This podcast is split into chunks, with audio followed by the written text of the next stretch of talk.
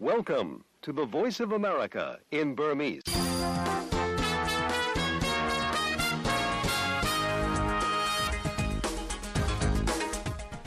သောရရှင်များသားချမ်းမြေ့တဲ့မင်္ဂလာမနက်ခင်းဖြစ်ပါစေဗျာ။ VOA American တိုင်ရဲ့2024ခုနှစ်မတ်လ2ရက်စနေမနက်ခင်းမြန်မာပိုင်းအစီအစဉ်တွေကို American ပြည်ထောင်စု Washington DC မြို့တော်ကနေလိုက်တော်မီတာ3249လိုက်လက်မီတာ190ပြင် VOA ရဲ့ website Facebook YouTube စာမျက်နှာတွေကနေ မနက်6နာရီကနေ9နာရီထိတိုက်ရိုက်ထုတ်လွှင့်ပေးနေပါပြီများကျွန်တော်ငင်းငယ်ရေးပါအခုမနက်ခင်းအစီအစဉ်တွေကိုတင်ဆက်သွားမှာဖြစ်ပါတယ်များယူကရိန်းကိုနယ်သာလန်ကစစ်ရေးအကူအညီ2ဘီလီယံကျော်ပေးဖို့ကတိပြုလိုက်ပါတယ်ဂျပန်နဲ့ဆက်ဆံရေးကြောင့်မြောက်ကိုရီးယားချင်းချောက်မှုကိုပိုပြီးတော့ဟန်တားနိုင်လိမ့်မယ်လို့တောင်ကိုရီးယားသမ္မတကပြောပါတယ်မြန်မာအမျိုးသမီးတူအမေရိကန်ရဲ့နိုင်ငံတကာအမျိုးသမီးသတ္တိရှင်ဆုချီးမြှင့်ခံရပါတယ် အဲ့ဒီလိုနောက်ဆုံးရသတင်းတွေအပြင်မြန်မာဘက်ကစိတ်ကြွစေ10တန်းကျော်ထိုင်းနိုင်ငံအယုဒ္ဓယမှာဖမ်းမိတဲ့အကြောင်းသတင်းပေးပို့ချက်လာမယ့်နိုဝင်ဘာအမေရိကန်ရွေးကောက်ပွဲအကြောင်းသတင်းဆောင်မနဲ့ကမ္ဘာမီဒီယာတွေထဲမှာမြန်မာအရေးဘယ်လိုများသုံးသပ်ရေးသားနေကြလဲဆိုတာတွေကိုလည်းတင်ဆက်ဖို့ရှိပါတယ်။နောက်အပတ်စဉ်တင်ဆက်ပေးနေတဲ့မျိုးသမီးကဏ္ဍမှာတော့စစ်ကောင်စီစစ်မှုထမ်းဥပဒေကိုမျိုးသမီးတွေကန့်ကွက်ပြောဆိုနေကြတာတွေကိုလည်းစူးစီးတင်ဆက်ထားပါတယ်။ဒါ့အပြင်သုတဆုံလင်အမေရိကန်တခွင်နဲ့သိပ္ပံနဲ့ဤပညာအပတ်စဉ်ကဏ္ဍတွေကိုလည်း နောက်ပိုင်းမှာထုတ်လွှင့်ဖို့ပြင်ဆင်ထားပါတယ်များ။အခုရင်ဆုံးတော့ဒီကနေ့မနေ့ထိတ်တန်းရောက်သတင်းတွေကိုဒေါက်ခင်မျိုးသက်ကပြောပြပေးပါဦးခင်ဗျာ။ရုရှားကျူးကျော်မှုကိုတံပြန်တိုက်ခိုက်နေတဲ့ရုရှားယူကရိန်းအတွက်ကာကွယ်ရေးဆိုင်ရာထောက်ပံ့မှုဆက်ပေးရေးမှာစိန်ခေါ်မှုတွေကြုံနေရချိန်မှာပဲသမ္မတဂျိုးဘိုင်ဒန်ဟာအီတလီဝန်ကြီးချုပ်ဂျော်ဂျီယာမယ်လိုနီကိုသမ္မတအိမ်ဖြူမှာလက်ခံတွေ့ဆုံပါတယ်။ခေါင်းဆောင်မှုတွေ့ဆုံချိန်မှာ G7 ဆက်မှုထိပ်သီးခုနှစ်နိုင်ငံအလှည့်ကျဥက္ကဋ္ဌတာဝန်ယူနေတဲ့ အီတလီဝန်ကြီးချုပ်နဲ့သမ္မတဘိုင်ဒန်တို့ဟာအပြည်ပြည်ဆိုင်ရာစနစ်နဲ့နိုင်ငံစုံပါဝင်မှုရှိရေးကာကွယ်ဖို့အတွက်ဦးစားပေးဆွေးနွေးပါပါ။ဒီလိုကာကွယ်နိုင်ဖို့ယူကရိန်းကိုထောက်ပံ့ရေးကအဓိကဖြစ်ကြောင်းနှစ်ဦးလုံးကလက်ခံပါတယ်။အီတလီမှာ2020ထဲမလိုနီလဲရဇွန်ရောက်ပါတီအနိုင်ရချိန်မှာသမ္မတဘိုင်ဒန်နဲ့အနောက်နိုင်ငံတွေကအစပိုင်းမှာစိုးရိမ်ပေမဲ့အီတလီဝန်ကြီးချုပ်ကအနောက်နိုင်ငံတွေနဲ့အတူယူကရိန်းသမ္မတဗလိုဒီမီယာဇယ်လန်စကီကိုထောက်ခံကြောင်းပြခဲ့တာပါ။ ပြီးခဲ့တဲ့သတင်းပတ်ထဲမလိုနီယာ G7 ခေါင်းဆောင်ရဲ့အွန်လိုင်းစည်းဝေးကိုဥက္ကဋ္ဌအဖြစ်နဲ့ယူကရိန်းမြို့တော်ကီယက်ကနေပထမဆုံးကျင်းပပါတယ်။သူဟာယူကရိန်းကိုဒီနှစ်မကုန်ခင်စစ်ရေးနဲ့နည်းပညာအကူအညီပေးရေးသဘောတူစာချုပ်လည်းချုပ်ဆိုပါတယ်။ဒါ့အပြင် EU ဥရောပသမဂ္ဂယူကရိန်းအတွက်ဒေါ်လာ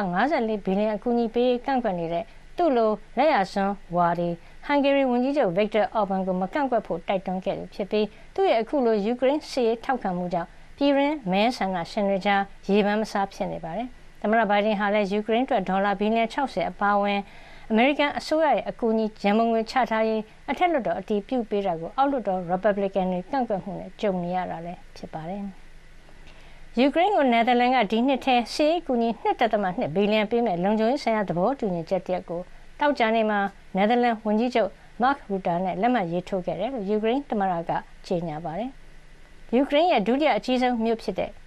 Kharkiv မှာခေါင်းဆောင်တို့တွေ့ဆုံဆွေးနွေးပြီးနောက်မှာအခုလိုယူကရိန်းသမ္မတကကြေညာတာပါ။သဘောတူညီချက်ထဲမှာဒီနှစ်အတွင်းယူရိုငွေသန်း2000ပေးမှာဖြစ်တယ်လို့လာမယ့်10နှစ်အတွင်းကာကွယ်ရေးဆိုင်ရာထောက်ကူတွေပေးဖို့ပါဝင်တယ်လို့ကြေညာပါတယ်။ EU ဥရောပသမဂ္ဂကယူကရိန်းကိုလက်နက်ခဲယမ်းတသန်းပေးမယ်လို့ကတိပေးထားပေမဲ့သုံးပုံတစ်ပုံလောက်ပဲရတဲ့အတွက်ရုရှားခုခံတိုက်ခိုက်ရေးခက်ခဲနေတယ်လို့လည်းယူကရိန်းသမ္မတကပြီးခဲ့တဲ့လယူကရိန်းရှေ့ပိုင်းက Avdiivka မြို့ကယူကရိန်းတပ်တွေပြန်ဆုတ်ခဲ့ရတဲ့နောက်တတိပေးလိုက်တာဖြစ်ပါတယ်။အဲဒီမြို့မှာရုရှားတွေတိုက်ခိုက်မှုကြောင့်အဆောက်အဦတွေပျက်စီးနေတဲ့ဗီဒီယိုကိုလည်းယူကရိန်းသမ္မတကအရင် Twitter ဖြစ်တဲ့ X မှာရေးပါတယ်။နယ်သာလန်ဝန်ကြီးချုပ်နဲ့ယူကရိန်းသမ္မတတို့ဟာခါကီယက်ကမြေအောက်ယထာဘူတာမှာပြောင်းလဲဖွင့်ထားတဲ့စာသင်ခန်း40ပါအထူးကျောင်းနဲ့တွားရောက်ကြည့်ရှုခဲ့တာပါ။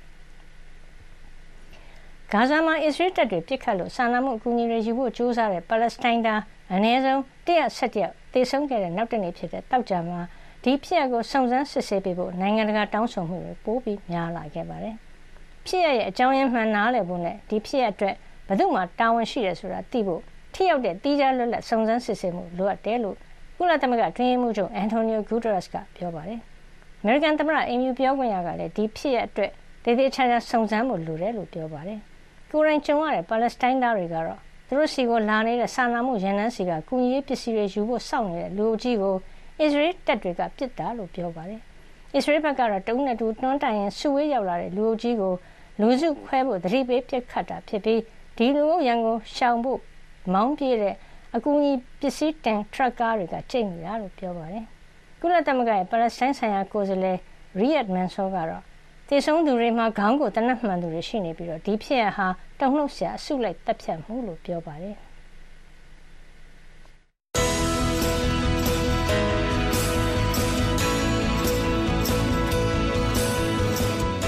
VOA American အတန်းမနေ့ဖက်မြန်မာဘာသာအစီအစဉ်တွေကိုမနေ့6နာရီကနေ9နာရီထိလိုင်းဒိုမီတာ32 kHz 9335နဲ့9383ညလိုင်းဒိုမီတာ49 kHz 6153ည ပထမနာရီဝက်မှာလိုင်းလံမီတာ190 kHz 1505တို့ကနေပြီးတော့ထုတ်လွှင့်ပေးနေပါတယ်ခင်ဗျာ VOA American တန်ကစနေမနက်ခင်းသတင်းတွေကိုဆက်လက်ကြီးညာနေပါတယ်2024ခုနှစ်အတွက်နိုင်ငံတကာအမျိုးသမီးတက်တိရှင်စုရသူစင်းကိုအမေရိကန်ပြည်ထောင်စုနိုင်ငံခြားရေးဝန်ကြီးဌာနကမတ်လ၁ရက်နေ့မှာကြေညာလိုက်ပြီးမြန်မာအမျိုးသမီးဒေါ်မြင့်စုဝင်းလည်းစုရသူစင်းမှာပါဝင်ပါတယ်။ဒေါ်မြင့်စုဝင်းဟာပြည်မှုဆိုင်ရာရှေ့နေဖြစ်ပြီး အကူအညီလိုအပ်နေတဲ့မြန်မာပြည်သူတွေအထူးသဖြင့်အမျိုးသမီးတွေကလေးငယ်တွေတိုင်းရင်းသားတွေမတန်ဆွမ်းသူတွေနဲ့လိင်စိတ်ကွဲပြားသူတွေကိုတရားရေးပိုင်းမှာကူညီပေးနေသူလို့အမေရိကန်နိုင်ငံရေးဌာနထုတ်ပြန်ချက်မှာဖော်ပြပါတယ်။ပြည်သူတွေရဲ့အခြေခံရပိုင်ခွင့်ကိုအကာအကွယ်ပေးပြီးမျှတတဲ့တရားရှင်မှုချနိုင်အောင်ကူညီပေးနေသူလည်းဖော်ပြထားပါတယ်။သူဟာနိုင်ငံတကာဥပဒေဖွံ့ဖြိုးရေးအဖွဲ့အစည်း IDL မှာဥပဒေအကြံပေးတူဖြစ်ပြီးအခမဲ့ရှေ့နေလိုက်တာအပါအဝင် ပြည်သူအယောက် 900ကျော်အတွက်တရားရေးပိုင်းမှာကိုယ်တိုင်အကူအညီပေးထားတယ်လို့လည်းဖော်ပြထားပါတယ်။ကမ္ဘာတဝန်းသူမတူတဲ့ရဲစွမ်းတက်တည်ရှိသူအာမန်ခိုင်မာသူငြိမ်းချမ်းရေးတရားမျှတရေးလူခွင့်ရေးကြားမှဒန်းတူညီမျှမှုရှိစေရေးနဲ့အမျိုးသမီးနဲ့မိန်းကလေးငယ်တွေကိုစိတ်တက်ခွန်အားမြင့်တင်ပြီးစတဲ့အခန်းကဏ္ဍတွေမှာခေါင်းဆောင်မှုရှိသူတွေကိုရွေးချယ်ပြီးချီးမြှင့်တဲ့18ကြိမ်မြောက်နိုင်ငံတကာအမျိုးသမီးတတိရှင်စုချီးမြှင့်ပွဲအခမ်းအနားကို မတ်လ၄ရက်တနင်္လာနေ့မှာအင်မြူရောမှာကျင်းပမှာဖြစ်ပြီးသမရကတော်ဂျီလ်ဘိုင်ဒန်နဲ့နိုင်ငံခြားရေးဝန်ကြီးအန်ထိုနီဘလင်ကန်တို့ကဆုချီးမြှင့်မှာဖြစ်ပါတယ်။မြန်မာနိုင်ငံအပြင်အာဖဂန်နစ္စတန်ဘင်္ဂလားဒေ့ရှ်ဂျပန်မော်ရိုကိုနဲ့ယူဂန်ဒါနိုင်ငံတွေကအမျိုးသမီးတွေကိုလည်းဆုချီးမြှင့်ခဲ့တာဖြစ်ပါတယ်။အာဖဂန်နစ္စတန်နိုင်ငံမှာအမျိုးသမီးသတင်းတောက်တွေနဲ့အမျိုးသမီးတွေကိုမျက်လုံးပဲဖုံးစရာမလိုတဲ့ပဲပေါ်ခွင့်ပြုတဲ့တတ်မှတ်ဝတ်စားဆင်မှုနဲ့မှ သတင်းမီဒီယာတွေမှာပါဝင်ခွင့်ပြုမယ်လို့တာလီဘန်အာဏာပိုင်တွေကသတိပေးလိုက်ပါတယ်။ဒီသတိပေးချက်ဟာအာဖဂန်ရင်ကျင်းမှုကာကွယ်ရေးဆိုင်ရာတာလီဘန်ဝန်ကြီးဌာနဒုတိယအကြီးအကဲမဟာမက်ခါလစ်ဟာနာဖီရဲ့ကဘူးကသတင်းဆောက်တွေသတင်းတောက်တွေနဲ့အင်္ဂါနေ့တွေ့ဆုံပွဲမှာထုတ်ပြန်ခဲ့တာလို့သတင်းလွတ်လပ်ခွင့်အတွက်လုပ်နေတဲ့အာဖဂန်သတင်းသမားများအဖွဲ့ AFJC ကပြောပါတယ်။ဒီဝန်ကြီးဌာနပြောခွင့်ရကအာဖဂန်အမျိုးသမီးတွေအနေနဲ့ဝတ်စုံအမဲနဲ့ မျက်စိနှလုံးကလွဲလို့မျက်နှာတစ်ခုလုံးဒီပါဖုံးထားတဲ့ပဝါခြုံတဲ့ပုံစံနဲ့ရှိတဲ့နယ်လို့အကြံပြုခဲ့တာလည်းဖြစ်ကြောင်းဖော်ပြထားပါတယ်။ဒါ့အပြင်လူတွေ့မေးမြန်းမှုတွေမှာလည်းဖြေကြားတဲ့အမျိုးသမီးတွေကိုဒီပုံစံအတိုင်းရှိဖို့အကြံပေးခဲ့တယ်လို့လည်းပြောပါတယ်။တကယ်လို့သတင်းမီဒီယာတွေမှာအလုပ်လုပ်နေသူအမျိုးသမီးတွေဒီညွှန်ကြားချက်ကိုချိုးဖောက်ခဲ့ရင်သတင်းဌာနတွေမှာအလုပ်လုပ်ခွင့်အယုတ်သိမ်းခံရမယ်လို့လည်းဟာနာဖီကတတိပေးခဲ့တာပါ ဒီဝန်ကြီးဌာနတာဝန်ရှိသူအရာရှိတွေကတော့ဒီတားမြစ်ချက်အသေးစိတ်နဲ့ပတ်သက်ပြီးတစုံတရာထုတ်မပြောသေးပါဘူးဒါပေမဲ့သတင်းလွတ်လပ်ခွင့်စောင့်ကြည့်နေတဲ့အဖွဲ့ကြီးကတော့ဒါဟာအမျိုးသမီးတွေသတင်းလုပ်ငန်းလုပ်ကင်ခွင့်တားမြစ်တဲ့အထိဖြစ်လာနိုင်တဲ့အတွက်အခုလိုစီကံထုတ်ပြန်ချက်နဲ့ပတ်သက်ပြီးအာဖဂန်သတင်းမီဒီယာတွေအတွက်အထူးစိုးရိမ်တယ်လို့ပြောပါတယ်ဂျပန်နိုင်ငံနဲ့ဆက်ဆံရေးပိုပြီးကောင်းမွန်လာတာကမြောက်ကိုရီးယားရဲ့လက်နက်စမ်းသပ်ချင်းချောက်မှုတွေကို ဒဏ်ပြန်ဖို့ရအတွက်အထောက်အကူပြုတယ်လို့တောင်ကိုရီးယားသမ္မတယွန်ချက်ယိုကဗုဒ္ဓဟူးနေ့မှာပြောပါတယ်။မြောက်ကိုရီးယားနဲ့ပြန်လည်ပေါင်းစည်းနိုင်ဖို့လဲနိုင်ငံတကာအတိုင်းအဝိုင်းနေနဲ့ကူညီကြဖို့သူကပြောပါတယ်။ဂျပန်ရဲ့1910 1945ခုနှစ်ကိုရီးယားသိမ်းပိုက်မှုကိုဆန့်ကျင်တဲ့လွတ်လပ်ရေးတိုက်ပွဲဝင်လှုပ်ရှားမှုအထိမ်းအမှတ်မိန့်ခွန်းမှာယွန်ချက်ယိုက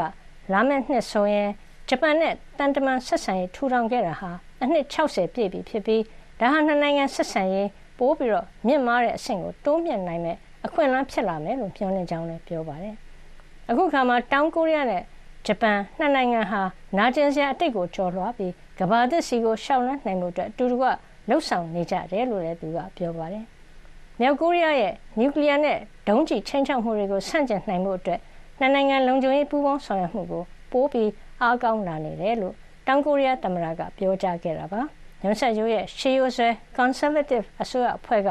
တရုတ်ဩဇာလွှမ်းမိုးမှုကြီးထွားလာချိန်တခါမြောက်ကိုရီးယားကလည်းဒုံးကျည်နဲ့နျူကလ িয়ার စမ်းသပ်မှုတွေအရှိန်မြင့်လှုပ်ဆောင်လာနေချိန်မှာ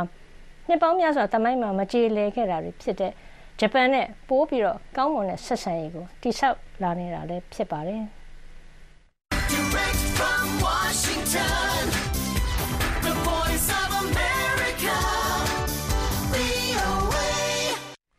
စနေမနက်ခင်း ထိပ်တန်းသတင်းတွေကို ဒေါက်ခင်မျိုးသက်ကကြီးညာပေးခဲ့တာပါဗျာ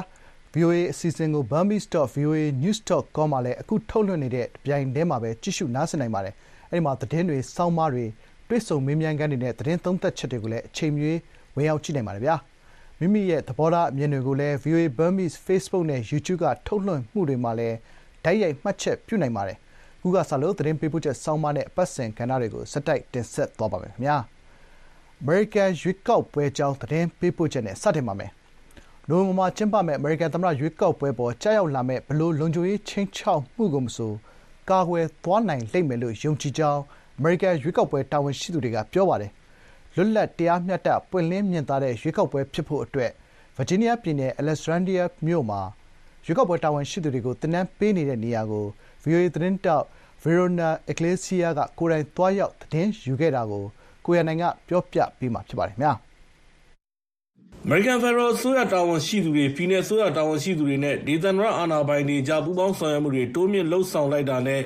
ရွေးကောက်ပွဲအကာအကွယ်ပေးဖို့ ကိစ္စတွေကို ပိုပြီးတော့ တင်းကျပ်ထားတာကြောင့် လာမယ့် အမေရိကန်သမ္မတရွေးကောက်ပွဲဟာ တရားမျှတပြီး ဘေးကင်းလုံခြုံမှုရှိမယ်လို့ အမေရိကန်အစိုးရ ထိပ်တန်းတာဝန်ရှိသူတွေက လွှတ်တော်ကို ပြီးခဲ့တဲ့လက ပြောကြားလိုက်ပါတယ် from cyber threats, from physical threats, from operational risks, and from foreign ဆိုင်ဘာအင်တာနက်ချင်းချောက်မှုတွေရုပ်ပိုင်းဆိုင်ရာချင်းချောက်မှုတွေလုပ်ငန်းပိုင်းဆိုင်ရာအန္တရာယ်တွေနဲ့ပြည်ပကဝင်ရောက်ဆွတ်ဖက်မှုတွေရှိနေပေမဲ့သိထားဖို့ကကျမတို့ရဲ့ရွေးကောက်ပွဲအခြေခံစနစ်တွေကမတူကွဲပြားပြီးဘိုးချုပ်ကင်မှုမရှိတာပါပြည်내တွေနဲ့နိုင်ငံတော်ကတရားစီရင်အုပ်ချုပ်ပိုင်ခွင့်နယ်မြေ8800ကနေစီမံခန့်ခွဲတာကြောင့်အဲ့ဒီလိုတစ်ခုနဲ့တစ်ခုမတူကွဲပြားမှုကအန္တရာယ်ဒဏ်ခံနိုင်ရရှိပါတယ်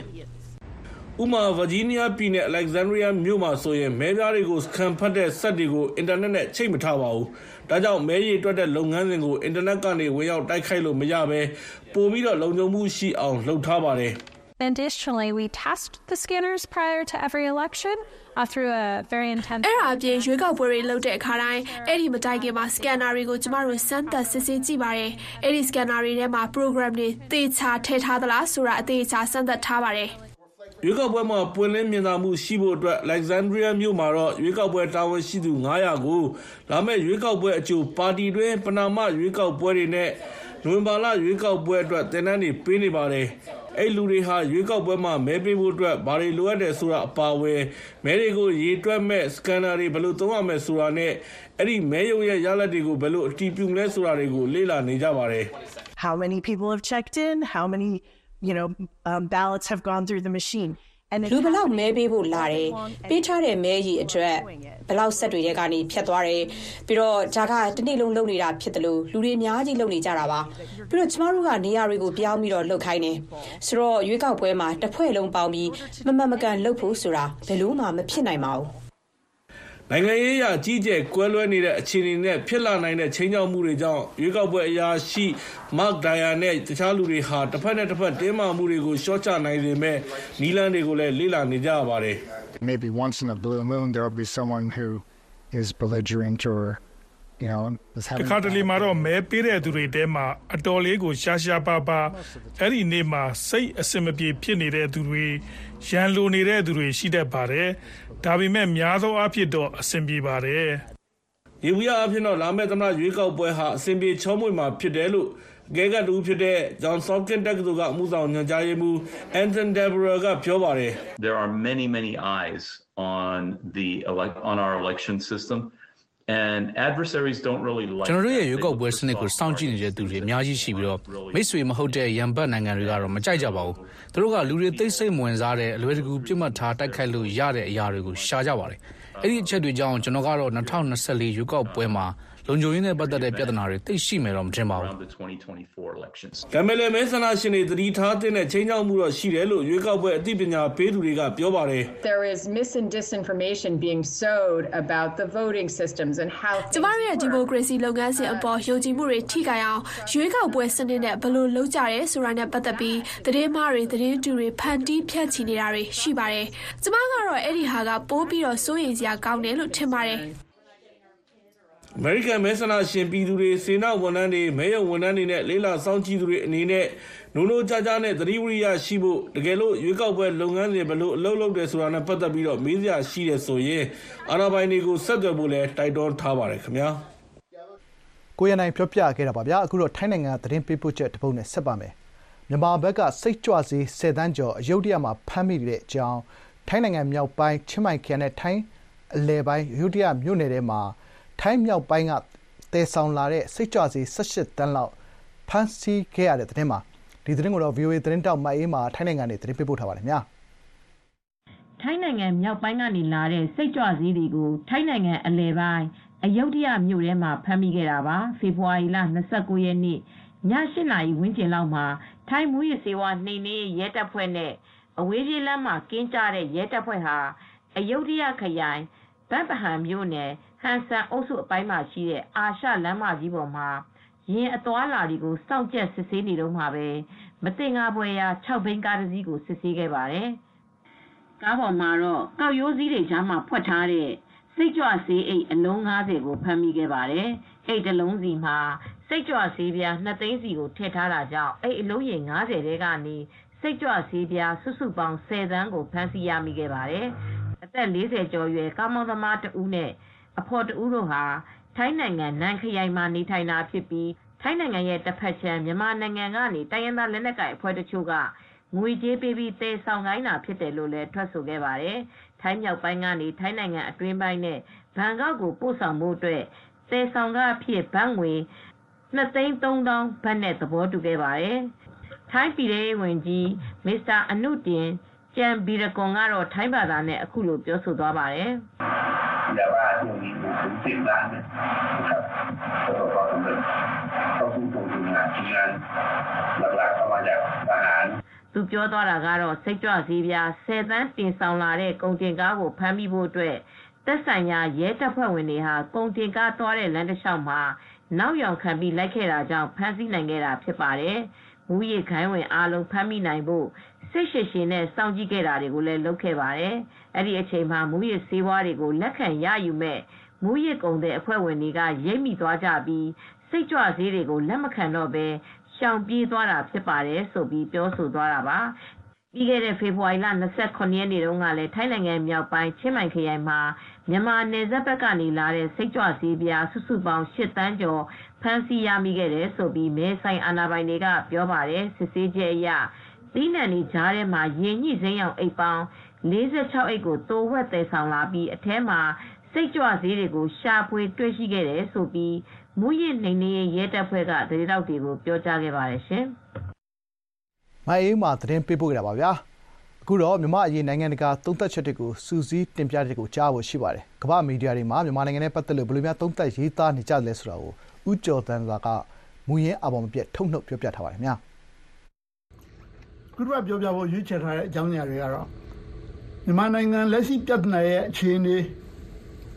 အိန္ဒိယနိုင်ငံရဲ့ကလဒန်ဘက်ဆုံစီမံကိန်းရှိအလားလားလာအိုနိုင်ငံဟာအာဆီယံဥက္ကဋ္ဌအနေနဲ့မြန်မာအရေးကိုဘယ်အတိုင်းအတာထိဆောင်ရွက်ပေးနိုင်မလဲဆိုတဲ့အကြောင်းအရာတွေပဲဖြစ်ပါတယ်ပထမဆုံးပြောပြခြင်းတဲ့အကြောင်းအရာကတော့ A decent future for Myanmar is within reach if the US acts now မြန်မာနိုင်ငံရဲ့ကောင်းမွန်တဲ့အနာဂတ်ဟာလက်တကမ်းမှာရှိတယ်တကယ်လို့အမေရိကန်ကသာလှုပ်ရှားလိုက်မယ်ဆိုရင်လို့ရေးထားတဲ့ဆောင်းပါးဖြစ်ပါတယ်ဒီ Washington Post သတင်းစာထဲမှာဆောင်းပါးရှင် Keith Richbox သုံးသပ်ထားတာဖြစ်ပါတယ်ခင်ဗျာပြီးခဲ့တဲ့လအနေငယ်အတွင်းစစ်ကောင်စီအပေါ်တော်လှန်ရေးအင်အားစုတွေအသာစီးရခဲ့တယ်ဆိုတာမငင်းသာဘူးဒါကြောင့်စစ်ကောင်စီဟာဆောက်တီယာများဖြစ်ပြီးလူငယ်တွေကိုစစ်မှုမထမ်းမနေရလုပ်လာတယ်လူငယ်တွေကလည်းဖြစ်တဲ့နည်းနဲ့တင်းဆောင်ထွက်ခွာနေကြတယ် စစ်ကောင်စီတပ်တွေဒီလိုဆွေးနွေးနေပေမဲ့လုံဝပြတ်သုံးတော့မယ်လို့ယတိပြတ်မပြောနိုင်ဘူးသူတို့ဟာအခိုင်အမာစခန်းတွေစီကိုဆုတ်ခွာပြီးအချိန်ဆွဲမဲ့သဘောဖြစ်တယ်ပုံမှန်တိုက်ခိုက်နေကြတဲ့သူတွေထက်ကအထူးသဖြင့် PDF အများစုမှာလက်နက်ရန်တရားကြီးတွေစနစ်တကျလေ့ကျင့်မှုဗဟိုအမိန့်စူးစီးမှုစတာတွေမရှိဘူးစစ်ကောင်စီရဲ့မကြာသေးမီအားရှုံးနိမ့်မှုတွေဟာတိုင်းဒေသတပ်ဖွဲ့တွေစီမံရှုံးနိမ့်ခဲ့တာသာဖြစ်တယ်လို့ဆိုရမှာဖြစ်တယ် ဒီပဋိပက္ခကိုအဆုံးသတ်ပြီးဒီမိုကရေစီထွန်းကားတဲ့မြန်မာနိုင်ငံကိုမြင်တွေ့ရဖို့အကြာကြီးကြိုးပမ်းရလိမ့်ဦးမယ်ပြည်သူတွေဒုက္ခမျိုးစုံနဲ့ပုံမကြုံတွေ့ရလိမ့်ဦးမယ်အခုပဲအင်တာသမ6သန်းအိုအင်ဆွန်ထရပြေးတိန်းနေချီပြီးအင်းကြီးနိုင်ငံကိုခိုးလုံးလူရဲ့သုံးပုံတစ်ပုံဟာအောက်ပန်းတွေလစ်ဟာနေတယ်ဒီပြဿနာတွေအတွက်ကမ္ဘာကတုံ့ပြန်လှုပ်ဆောင်တာမရှိတော့ပဲဂါဇာယူကရိန်းစတဲ့အရေးခင်းတွေမှာပဲကမ္ဘာသံတမန်တွေကအသွင်ခွန်ဆိုင်လှုပ်ဆောင်နေကြတယ် အာဆီယံကလည်းဘာမှမတတ်နိုင်တရုတ်ကနှစ်ဖက်ခွာပြီးကစားနေတယ်ဆိုတော့ဒီမြန်မာပြဿနာကောင်းမွန်စွာအဆုံးသတ်နိုင်ဖို့အတွက်အမေရိကန်ပြည်ထောင်စုကအများကြီးလှုပ်ဆောင်တင်တယ်ဘိုင်ဒန်အစိုးရမှလူပန်ခွင့်နေရှိနေတယ်ကွန်ဂရက်လွှတ်တော်က Burma Act ကို2022မှာအတည်ပြုထားပြီးသားစာရမှုအကူအညီ Federal နဲ့ Democracy အထောက်ပံ့ EAO နဲ့ PDF တွေကိုလူသက်လက်နဲ့မဟုတ်တဲ့အထောက်ပံ့တွေပေးဖို့ဆိုတာပါတယ် ဒါပေမဲ့ငွေကြေးအထောက်ပံ့မပါတဲ့အတွက်အနှစ်သာရကင်းမဲ့နေတယ်အခုမြန်မာပြည်တွင်းစစ်ဟာအချိုးအကွေ့တစ်ခုကိုရောက်နေပြီအမေရိကန်အကူအညီအပြောင်းလဲဖြစ်စေနိုင်တယ်ဘိုင်ဒန်အစိုးရဟာလက်နက်ကိုင်အင်အားစုတွေပါဝင် NUG တို့နဲ့စကားပြောပြီး Federal စနစ်နဲ့ဒီမိုကရေစီအတွက်အားလုံးတူညီတဲ့အစီအစဉ်တစ်ခုချမှတ်စေဖို့ကူညီလုပ်ဆောင်ခြင်းနဲ့တောင်းနိုင်ရေးအတွက်သူတို့လိုအပ်ချက်တွေကိုအလေးထားနားထောင်စဉ်းစားပြီးပံ့ပိုးသင့်တယ် ဒါကိုယူကရိန်းနဲ့အစ္စရေးထောက်ပံ့ရေးကိစ္စမှာသဘောကွက်လွဲနေတဲ့ကွန်ဂရက်လွှတ်တော်ကသဘောတူနိုင်ပါမလားဆိုတာတော့မေးစရာရှိတယ်အလုံးကမုန်တီစိတ်ပြည့်နေတဲ့ဒီစစ်ကောင်စီတဖြည်းဖြည်းကျဆင်းသွားပြီးတဲ့နောက်မှာဘာဆက်လုပ်မယ်ဆိုတာကိုတော့အခုကတည်းကစဉ်းစားထားမှာပဲမြန်မာဒီမိုကရေစီအနာဂတ်အခရင်အလန်းရှိနေပြီဖြစ်တဲ့အတွက်အမေရိကန်ပြည်ထောင်စုကအခုကတည်းကစတင်လှုပ်ဆောင်ဖို့လိုအပ်တယ်လို့ The Washington Post ရဲ့ဆောင်းပါးရှင်ကရေးသားထားတာဖြစ်ပါတယ်ခင်ဗျာ အခုဆက်လက်ပြီး The Diplomat ကသုံးတဲ့တစ်ခုကိုကြည့်ကြအောင်ပါ Has the Indian flagship Golden Project in Myanmar hit that dead end မြန်မာနိုင်ငံမှာအိန္ဒိယရဲ့အထင်ရစီမံကိန်းဖြစ်တဲ့ကဒန်စီမံကိန်းဟာအခုဆုံးမနိုင်တော့ဗလားဆိုတဲ့သုံးသပ်ချက်ပဲဖြစ်ပါတယ်။ဆောင်းပါးရှင်ကတော့ Rajiv Bhattacharya ဖြစ်ပါတယ်။ချင်းပြည်နယ်နဲ့ရခိုင်ပြည်နယ်ဖြတ်ပြီးဖတ်လုပ်တဲ့အဝေးပြေးလမ်းမကြီးမပြီးဆုံးခင်ဒီနေရာမှာမကြားသေးခင်ကအဆိုးရွားဆုံးတိုက်ပွဲတွေဖြစ်ပွားလာခဲ့တယ်။ လွန်ခဲ့တဲ့သုံးနှစ်ဆရာနာသိန်းတွေကဒီအထင်ရကဒန်စီမံကိန်းဆုံးမနိုင်တော့ပြီလို့အိန္ဒိယအရာရှိတွေကတွက်ဆနေကြရတာဖြစ်တယ်။အခုဒီစီမံကိန်းပြန်ဆနိုင်မဲ့အလားအလာမှုံဝနေတယ်။ဒီလအစောပိုင်းမှာတော့အိန္ဒိယအစိုးရကသူတို့နိုင်ငံသားတွေရခိုင်ပြည်နယ်ကိုမသွားကြဘူးညွှန်ကြားခဲ့တယ်။ဒီကဒံဘက်ဆုံးတဲ့ဥပဆောင်ရေးစီမံကိန်းဟာအိန္ဒိယရဲ့ Act East Policy လို့ခေါ်တဲ့အစီအပဲထိုးဖောက်ရေးမူဝါဒရဲ့အဓိကအစိပ်ပိုင်းဖြစ်ပြီး လွန်ခဲ့တဲ့73နှစ်စီမံကိန်းစတင်ချိန်ကစလို့အချိန်ရရချက်တွေနဲ့အချိန်ကြီးလွဲခဲ့ရတာဖြစ်တယ်။ဒီစီမံကိန်းမှာအိန္ဒိယမီဇိုရမ်ပြည်နယ်နဲ့ပလဲဝလမ်းပိုင်းမပြီးဆုံးသေးဘူးတိုက်ပွဲတွေကြောင့်ခရီးမတွင်ဖြစ်နေတယ်ပလဲဝမှာစင်ဘော်စီဆောက်လုပ်ရေးအပါဝင်ကလဒန်မြေကြောင်းခရီးနဲ့စစ်တွေစိတ်ကန်းဆောက်လုပ်ရေးတော့ပြီးစီးသွားပြီဖြစ်တယ်ဒီကြတဲ့2019မှာအိန္ဒိယနိုင်ငံသားတချို့ပါဝင်တဲ့ဆောက်လုပ်ရေးဝန်ထမ်းတွေအေးရဲ့ဖန်စီရင်ကိုခံခဲ့ရပြီးအဲ့ဒီကတူဟာနှလုံးရောဂါနဲ့ဖေဆုံးသွားခဲ့တယ် အဲ့နောက်ဆောက်လုပ်ရေးလုပ်ငန်းထဲမှာမြန်မာကုမ္ပဏီတချို့ကိုအိန္ဒိယအစိုးရက contract ပေးလာခဲ့တယ်အဲ့ဒီချိန်ထဲမှာပဲအေးရဲ့အကူအညီမပါရင်ဒီစီမံကိန်းမပြီးနိုင်ဘူးလို့အိန္ဒိယအရာရှိတချို့ကသုံးသပ်လာကြတာရှိတယ်။2020နိုဝင်ဘာ24ကစပြီးအေးနဲ့မြန်မာစစ်တပ်အကြားအပြည့်ရဖို့အလွတ်သဘောတူညီခဲ့ကြတဲ့အတွက်စီမံကိန်းပြီးဆုံးသွားဖို့မျှော်လင့်ချက်တက်လာခဲ့ပေမဲ့2020ခုနှစ်ထူးစစ်ပြီးမှတော့အခြေအနေပြန်ဆူသွားခဲ့တယ်။ စက်တိုက်ဆိုသလိုမြန်မာစစ်တပ်ဟာချင်းနဲ့ရခိုင်ဘက်မှာနေမြေဆွန့်ဆုတ်လာခဲ့တယ်။ဒီအခြေအနေမှာအိန္ဒိယအရာရှိဒီစီမံကိန်းရဲ့အနာဂတ်ကိုအကောက်မမြင်ကြတော့ဘူးအေးပြောခွင့်ရခိုင်ဒုက္ခကတော့သူတို့ဟာ2021ကစပြီးဒီစီမံကိန်းတစ်လျှောက်လုံလုံရေးပေးထားရဖြစ်တယ်စီမံကိန်းကိုရဆိုင်ထားတာ contractor ကရဆိုင်ထားတာဖြစ်တယ်လို့ diplomat စာဆောင်ကိုပြောခဲ့ကြောင်းလည်းကိုကဖော်ပြပါတယ်ဒါပေမဲ့ရခိုင်ပြည်နယ်မှာစစ်ကောင်စီလေရင်နဲ့ဘုံကျဲတာတွေ တော်လှန်ရေးအခြေခံစခန်းတွေကိုတံပြန်တိုက်ခိုက်နေတဲ့ဒီအခြေအနေမှာ contractor တွေကဒီစီမံကိန်းကိုဆက်လုပ်ဖို့ဆန္ဒရှိရမလား။တရားစတာပြောရတဲ့ရခိုင်ပြည်နယ်ဟာမြန်မာနိုင်ငံမှာမဟာဗျူဟာအကျဆုံးနေရာတဲ့တစ်ခုပါဝင်ဖြစ်တယ်။တရုတ်နဲ့အိန္ဒိယတို့အတွက်လွန်စွာအရေးပါတယ်။တရုတ်ကတော့စစ်တွေကလဒန်စီမံကိန်းနဲ့စိတ်မဝေးတဲ့ကျောက်ဖြူရေနက်ဆိပ်ကမ်းကိုဆက်လုပ်ဖို့ပြင်ဆင်နေပြီနောက်ဆက်တွဲသဘောတူညီချက်ချုပ်ဆိုပြီးတရုတ်က90ရာခိုင်နှုန်းမြုပ်နှံမှာဖြစ်တယ် ဒီရေနက်ဆိပ်ကမ်းဟာ CMEC လို့ခေါ်တဲ့ တရုတ်မြန်မာစီးပွားရေးဈဉ္ဉံဒေသရဲ့တကားပေါက်လည်းဖြစ်တယ်အိန္ဒိယအရာရှိတွေကတော့ရခိုင်ပြည်နယ်မှာတရုတ်ကအပေါ်စီးရလာနေတာဖြစ်တဲ့အတွက်ဂိုဒန်စီမံကိန်းအပေါ်မှာလည်းပဲလောင်ရိပ်ထိုးလာနိုင်တယ်လို့တွေ့နေကြကြောင်းဆောင်းပါရှင်ကသုံးသပ်ထားပါခင်ဗျာအခုနောက်ဆုံးပြောပြလိုတဲ့အကြောင်းအရာကတော့ as ASEAN chair will Lao play it safe on Myanmar အာဆီယံဥက္ကဋ္ဌအနေနဲ့လာအိုဟာ မြန်မာနိုင်ငံအရေးကိုကောင်းကောင်းမွန်မွန်ကင်တွယ်နိုင်မလားဆိုတဲ့အကြောင်းပဲဖြစ်ပါတယ်ဆောင်းပါရှင်ကတော့ Algri Mendelson ဖြစ်ပါတယ်ခင်ဗျာ The Diplomat မှာဒီသထားဖြစ်ပါတယ်တပါတီအာဏာနဲ့အုပ်ချုပ်တဲ့လာအိုနိုင်ငံဟာစစ်ကောင်စီဘက်ကရက်တည်သွားလိမ့်မယ်လို့တချို့ကဆိုရင်နေရတယ်တရုတ်လိုကြပဲလူပေးလိမ့်မယ်လို့လည်းတချို့ကယူဆနေရတယ်ဒါပေမဲ့လာအိုနိုင်ငံရခိုင်အာဆီယံလက်ရဥက္ကဋ္ဌဖြစ်စဉ်ကရက်တည်ချက်ကိုပြန်ကြည့်ရင် တရုတ်ကျိုးဆွဲရမကနိုင်ဘူးလို့သုံးသပ်သူတွေကဆိုကြပါတယ်အခုလည်းအာဆီယံရဲ့ဘုံသဘောတူညီချက်9ရပ်ကိုသိသိမှင်းမြင်အောင်လုပ်မှမဟုတ်ဘူးလို့ပြောထားပါတယ်သူ့မဲ့အရင်အမြစ်အကန့်အသတ်နဲ့ပြည်တွင်းပြဿနာတွေကြောင့်မြန်မာအရေးမှာရခိုင်ဥက္ကဋ္ဌတွေမလုပ်နိုင်ခဲ့တဲ့ထူဖောက်အောင်မြင်မှုမျိုးလုပ်နိုင်ပါမလားဆိုတာကတော့မသိကြဘူးအခုဒီမဲ့လာအိုဟာရခိုင်ဥက္ကဋ္ဌအင်ဒိုနီးရှားအစပြုခဲ့တဲ့သုံးပွင့်ဆိုင် Trika ကြီးကြရေးလမ်းစဉ်ကို fake news site လူဟန်ပြသနေတယ် ဒါဟာသူဥက္ကဋ္ဌသက်တမ်းမှာမြမအရေးအတွက်ထွေထွေထူးထူးပြဿနာတစုံတရာမတက်စီခြင်းဘူးသူသဘောနဲ့သူလွတ်ဆောင်တော်လို့လည်းဖြစ်နိုင်တယ်ဒါအပြင်သူဥက္ကဋ္ဌလူရမယ့်ကိစ္စမှာသူများတွေဝင်ရောက်ကြည့်ကြစရာမလိုဘူးဆိုတဲ့သဘောကိုလည်းပြသခြင်းဖြစ်တယ်လို့သူသတ်ပြီးကိုကဖော်ပြပါတယ်။တာဝန်နိုင်ငံရဲ့ဝန်ကြီးမကြာခင်ကမြန်မာပြည်ကိုသွားပြီးတော့စစ်ကောင်စီအကြီးအကဲတာဝန်ရှိသူတွေအပြည့်အလက်မှတ်ထိုးအဖွဲ့တွေ မှတ်ပုံတင်နိုင်ငံရေးပါတီတွေနဲ့တွဲဆုံခဲ့ပေမဲ့ NUG နဲ့တွဲဆုံခြင်းမရှိပါဘူး။ဒါဟာမြန်မာအရေးမှာထူးထူးခြားခြားစွမ်းဆောင်ပြသလို့မရှိဘူးဆိုတာဖြစ်နိုင်တယ်လို့သုံးသပ်သူတယောက်ကိုကိုကဖော်ပြပါတယ်။တရုတ်အလိုကြလက်ရုပ်မလားဆိုတာနဲ့ပတ်သက်ရင်တော့လာအိုနိုင်ငံ2016မှာအာဆီယံဥက္ကဋ္ဌဖြစ်စဉ်တုန်းကလည်းတရုတ်ဖိလစ်ပိုင်ရေပိုင်နဲ့အငင်းပွားမှုမှာနိုင်ငံတကာခုံသမားရုံး International Tribunal ရဲ့သုံးသက်ချက်အတိုင်းပြမျှတတရည်တည်ပြခဲ့တာဖြစ်တယ်။ တကယ်တော့ကမ်ဘောဒီးယားနိုင်ငံဟာလည်းတပါတီအာဏာနဲ့အုပ်ချုပ်တဲ့နိုင်ငံဖြစ်တဲ့အတွက်မြန်မာစစ်ကောင်စီနဲ့အလွန်သင်းမယ်လို့ထင်ခဲ့ကြပေမဲ့နောက်ဆုံးမှာတော့အဲ့လိုမဟုတ်ခဲ့ဘူးဆိုတာတွေ့ခဲ့ရပြီးဖြစ်တယ်။အခုလာအိုနိုင်ငံဟာ2024ကို Visit Laos Year ဤသွနှစ်အဖြစ်ကြီးညာထားပြီးစီးပွားရေးအခက်အခဲလူခွင့်ရေးပြဿနာတွေကိုတော်လှန်ပြီးနိုင်ငံကအမြင်မှာအသွင်ပြောင်းဖို့လှုံ့ဆော်နေခြင်းဖြစ်တဲ့အတွက်ဒီအာဆီယံဥက္ကဋ္ဌရာထူးကိုအသုံးချလိုဟန်ရှိတယ်လို့လည်းတချို့ကဆိုကြပါတယ်။သူဥက္ကဋ္ဌဖြစ်လာခြင်းမှာပဲစစ်ကောင်စီအနေနဲ့လည်းနိုင်ငံရေးရာထူးမဟုတ်တဲ့ဝန်ထမ်းအကြီးအကဲတူကိုအာဆီယံအစည်းအဝေးစီပြန်တက်စေခဲ့တယ်။ရှက်ရရကောင်းတဲ့စီးရှုံးနေမှုတွေနဲ့ကြုံရတဲ့စစ်ကောင်စီဟာလာအိုမိဖက်အဖြစ်အကူလူဟန်ပြသလာတာဖြစ်တယ်။လာဝါဒါကိုလက်ခံတုံ့ပြန်ပြီးစစ်ကောင်စီကိုပုံမှန်ဆက်လက်ရည်တည်သွားနိုင်အောင်လုပ်ပေးနိုင်လိမ့်မယ်လို့သုံးသပ်သူလည်းကိုကဖော်ပြပါရယ်ဆိုတော့လာဝဟာမြမအရေးမှာပြဿနာကိုလက်ရှိအခြေအနေတိုင်းပဲဆက်လက်ထားရှိပြီး နောင်လာမဲ့ဥက္ကဋ္ဌလက်ထက်ကိုပုံစံမပြတ်လွှဲပြောင်းသွားလိမ့်မယ်လို့ထင်ရကြောင်းဆောင်းပါရှင်ကသုံးသပ်ထားပါခင်ဗျာဒီဘက်တော့ကတော့လှပ်ပဲဖြစ်ပါခင်ဗျာနောက်တစ်ပတ်မှာဘယ်လိုများသုံးသပ်လာကြအောင်မလဲဆိုတာကိုကျွန်တော်စောင့်မျှော်လိုက်ကြပါလို့ရအားလုံးကိုကျေးဇူးတင်ပါတယ်သတင်းမှန်တွေရဖို့အရေးကြီးတဲ့ဒီကနေ့ခေတ်မှာကမ္ဘာကြီးရဲ့ဘယ်ရက်ဒေသမှာပဲရောက်နေပါစေခလုတ်တစ်ချက်နှိပ်လိုက်ရုံနဲ့သတင်းမှန်တွေရယူနိုင်ပါပြီ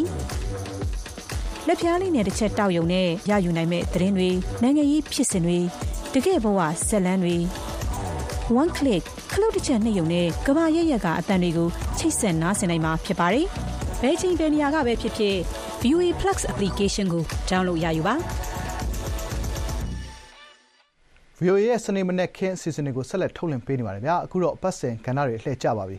သုတဆုံလင် American တခွင်နဲ့သိပ္ပံနဲ့နည်းပညာကဏ္ဍတွေမတင်ဆက်မီမှာမြို့သမီးကဏ္ဍနဲ့စတင်ပါမယ်ဗျာ အရွယ်ရောက်ပြီးတဲ့လူငယ်လူရွယ်တွေမဖြစ်မနေစစ်မှုထမ်းရမယ်ဥပဒေစတင်အသက်ဝင်ကြောင်းစစ်ကောင်စီကဖေဖော်ဝါရီလထဲမှာကြေညာခဲ့တယ်လို့တချို့နေရာဒေသတွေမှာလူငယ်တွေအတင်းအဓမ္မစစ်သားစုဆောင်းခံနေရတယ်ဆိုတဲ့သတင်းတွေကြောင့်မလုံခြုံမှုကိုပိုးခံစားလာပြီးနေ့စဉ်စိုးရိမ်ကြောက်ကြနေရတယ်လို့လူငယ်တွေနဲ့သူတို့ရဲ့မိခင်တွေကပြောပြကြပါတယ်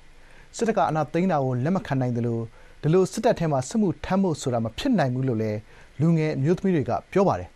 စစ်မှုထမ်းဥပဒေနဲ့ပတ်သက်လို့လူငယ်အမျိုးသမီးနဲ့မိခင်တချို့ရဲ့အမြင်တွေကိုဒီသတင်းပတ်အမျိုးသမီးကဏ္ဍမှာမခင်ဖြူထွေးကစူးစီးတင်ဆက်ထားပါတယ်ခင်ဗျာ။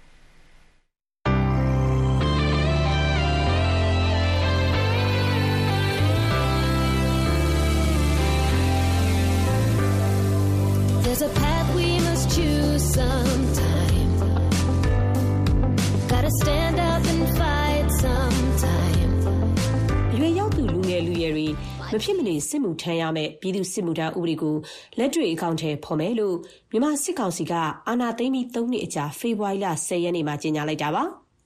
ဒီဥပဒေကအာဏာသိမ်းမှုကိုစန့်ကျင်ခဲ့ကြတဲ့လူငယ်တွေအတွက်တော့ပိုးပြီးမခံမရနိုင်စရာချင်းချောက်မှုတစ်ခုဖြစ်လာခဲ့တယ်လို့လူငယ်အတော်များများက VOA ကိုပြောပါတယ်အာဏာသိမ်းချိန်မှာဒုတိယနှစ်တက္ကသိုလ်တက်နေတဲ့ကျောင်းသူမတ်စုမေစောကတော့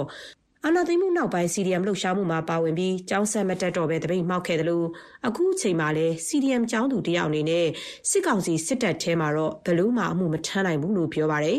ကျမကို စစ်မှုထမ်းမယ်လို့လာခေါ်လို့ရှိရင် ဘယ်လိုနည်းနဲ့ပဲခေါ်ခေါ် မလိုက်နိုင်ပါဘူး ကျမအလက်ကျမ စစ်မှုထမ်းမယ်ဆိုတာ သိရနဲ့ NUG လောက်က PDF ထဲဝင်ဖို့ ဆုံးဖြတ်ထားပြီးသားပါ စစ်ကောင်စီဘက်ကတက်ပြတ်နေပြီးသားဆိုတော့ သူတို့က တယောက်ရရနှစ်ယောက်ရရရတဲ့လောက်ကိုခေါ်မှာပဲ ကျမတို့ပြည်သူတွေကစစ်မှုထမ်းမှုခေါ်ရင်မလိုက်ပဲနေခြင်းအဖြစ်စစ်မှုမထမ်းမနေရအုပ်ကိုတွန်းလှန်တဲ့နေလို့ထင်ပါရှိလက်တလောချင်းမိုင်တက္ကသိုလ်မှာနှီးပညာဘာသာရပ်နဲ့ဒုတိယနှစ်တက်နေတဲ့ကျောင်းသူမတ်မွန်းကတော့စစ်မှုထမ်းဥပဒေသတင်းကိုကြားကလေးကမောင်နှမတွေနဲ့မိသားစုတွေအတွက်စိတ်ပူပန်နေရပြီးသူကိုယ်တိုင်လည်းကျောင်းပြီးလို့မြန်မာပြည်ကိုပြန်တဲ့အခါစစ်မှုထမ်းရမယ့်အခြေအနေကြုံရမှာကိုမလိုလားဘူးလို့ပြောပါတယ်သတင်းကိုတိတိချင်းချင်းကတော့ ဟိုကိုယ့်အတွက်ဆိုတာထက်ဒီမိသားစုကိုပို့ပြီးစိတ်ပူရတာပေါ့နော်ဆိုတော့မိသားစုထဲမှာရှိတဲ့ဒီအကိုဝမ်းခွဲတွေအမဝမ်းခွဲတွေနောက်ဆုံးဦးလေးတွေပါတယ်ပို့ပြီးတော့စိတ်ပူရတာပေါ့သူတို့အတွက်အရင်စိတ်ပူပြီးတော့မှဟိုငါလည်းထိုးနည်း၎င်းပဲပြန်လို့မရဘူးဆိုတာမျိုးပေါ့နောက်ပြီးတော့မခံကျင်စိတ်ပေါ့နော်ပို့ပြီးတော့မခံကျင်စိတ်လည်းဖြစ်တယ်ပေါ့ငါတို့တဖြည်းတွေးတိုးတဖြည်းဖြည်းစမ်းလာရပေါ့အဲ့လိုပုံစံမျိုးခံစားရနောက်ပြီးတော့ဒီသူတို့လုပ်တဲ့အပေါ်မှာလည်း ဘလို့မှလက်ခံနိုင်ကြအကြောင်းမရှိဘူးလေနော်ဒါကိုကိုတိုက်ညစ်တက်တဲ့ဟိုအစိုးရလည်းမဟုတ်ဘူးကိုသဘောကျတဲ့အစိုးရလည်းမဟုတ်တဲ့အတွက်ဒီလိုမျိုးသူတို့ကသူတို့ထုတ်ချင်တဲ့ဥပဒေတွေထုတ်ပြီးသူတို့လုပ်ချင်တာလုပ်နေတဲ့အပေါ်မှာတော့လုံးဝကိုယာနှုံးပြီးကန့်ကွက်တာပေါ့နော်စစ်ကောင်စီရဲ့စစ်မှုထမ်းဥပဒေကိုလက်မခံနိုင်တာကတော့ဒီလိုလူငယ်တွေနဲ့မဟုတ်ပါဘူးမိဘတွေကြားမှာလည်းစစ်ကောင်စီကဒီဥပဒေကိုအသက်သွင်းပြီးတော့လူငယ်တွေကိုဖိအားပေးအသုံးချလာမှာကိုစိုးရိမ်နေကြပါတယ် ဒီဥပဒေကြောင့် အရွယ်ရောက်နေပြီဖြစ်တဲ့ သားသမီးတွေအတွက် နေ့စဉ်ပူပန်နေရတယ်လို့ မိခင်တူဖြစ်တဲ့မဲအေးလေးက အခုလိုပြောပါတယ် အဲ့ဒီတည်င်းစထွက်တယ်လို့ ကြားရတာပေါ့နော် မိဘအကုန်လုံးကတော့အဲစိတ်က တော်တော်ကို မအေးနိုင်ဘူး ဖြစ်သွားတာပေါ့နော်ပုတ်သားသမီးတွေ ဘယ်လိုဖြစ်မလဲဆိုတာ မသိဘူးဆိုတော့လေဒီကပုံမှန်အတိုင်း စစ်ဥပဒေတဲကိုစစ်ဥပဒေကြာထမ်းလို့ စစ်မှုထမ်းရတယ်ဆိုရင် ပုံမှန်စစ်တင်ငန်းတက်ဆိုရင်ဒါမျိုးဆိုတာမိဘတွေအတွက်ကစိတ်တော့ပြဿနာမရှိဘူးပေါ့ရှင်ဒါပေမဲ့အခုလိုအခြေအနေမျိုးကြီးမှာတော့ပုတ်သားသမီးကိုစစ်မှုထမ်းဆိုတာကြီးကတော့ဟိုစိတ်ထဲမှာစိတ်မချနိုင်ဘူးပေါ့နော်မစိတ်မအေးနိုင်ဘူးဖြစ်နေတာပေါ့အခုကတော့လေဟိုဥပဒေဆိုတာကသူတို့ပါဇက်ထဲကဥပဒေဖြစ်နေတော့ဘလို့ရှောင်းရမှာဘလို့ရှောင်းမှန်းကိုမသိဘူးဖြစ်နေတာပေါ့နော်အိမ်ထဲမှာလည်းဘလို့မှဖတ်ထားလို့မရဘူးလာခေါ်လို့ရှိရင် လိုက်သွားမှာပဲအဲ့တဘောမျိုးဖြစ်တော့မိဘတွေကပို့ပြီးတော့စိတ်မအေးရဘူးဖြစ်တာပေါ့နော် ဖေဖော်ဝါရီလ10ရက်နေ့မှာ စတင်အသက်ဝင်ကြောင်း စစ်ကောင်စီက ကြေညာလိုက်တဲ့ စစ်မှုထမ်းဥပဒေမှာတော့ အသက်18နှစ်ကနေ35နှစ်အရွယ် အမျိုးသားတွေ အသက်18နှစ်ကနေ28နှစ်အရွယ် အမျိုးသမီးတွေအပြင် ဆရာဝန် အင်ဂျင်နီယာနဲ့ စက်မှုလက်မှုပညာတက်မြောက်ကျွမ်းကျင်သူတွေဆိုရင်တော့ အသက်18နှစ်ကနေ45နှစ်အထိ အမျိုးသား အသက်18နှစ်ကနေ35နှစ်အထိ အမျိုးသမီးတွေ မဖြစ်မနေ စစ်မှုထမ်းကြရမှာပါ တတ်မှတ်အရွယ်ကိုရောက်တဲ့နိုင်ငံသားတိုင်းကို24လထက်မပိုတဲ့ကာလအပိုင်းအခြားအတွက်စစ်မှုထမ်းဖို့ဆင့်ခေါ်နိုင်ပြီးကျွမ်းကျင်သူတွေဆိုရင်တော့36လထက်မပိုတဲ့ကာလအပိုင်းအခြားမှာဆင့်ခေါ်နိုင်တဲ့အကြောင်းနဲ့အရေးပေါ်အခြေအနေဖြစ်လာတဲ့အခါမှာတော့စစ်မှုထမ်းကာလကို9နှစ်အထိတိုးမြင့်သတ်မှတ်နိုင်တယ်လို့ဖော်ပြထားပါတယ်။ဒီလိုရွယ်ရောက်သူတွေမဖြစ်မနေစစ်မှုထမ်းရတဲ့ဥပဒေကိုကျင့်သုံးတဲ့တခြားနိုင်ငံတွေလည်းရှိပါတယ်။ဒါပေမဲ့မြန်မာနိုင်ငံနဲ့ကတော့အခြေအနေမတူဘူးလို့မမွန်းကပြောပါတယ်။ ပြည်သူတွေကိုဖိနှိပ်တပ်ဖြတ်နေတဲ့စစ်တပ်ကအာဏာသိမ်းထားပြီးတော့အတင်းကျပ်ဖိအားပေးလှုပ်ဆောင်တာကိုလူတွေကလက်မခံနိုင်ကြတာလို့မမွန်းကပြောပါတယ်သူတို့ကစစ်မှုထမ်းခေါ်ရဲဆိုတာသူများနိုင်ငံလိုမျိုးဟိုကောင်းကောင်းမွန်မွန်စစ်မှုထမ်းခေါ်ခြင်းမျိုးမဟုတ်ပဲနဲ့ဒါအကုန်လုံးပြောနေကြတဲ့အတိုင်းလူသားတိုင်းကပေါ့သူတို့ရဲ့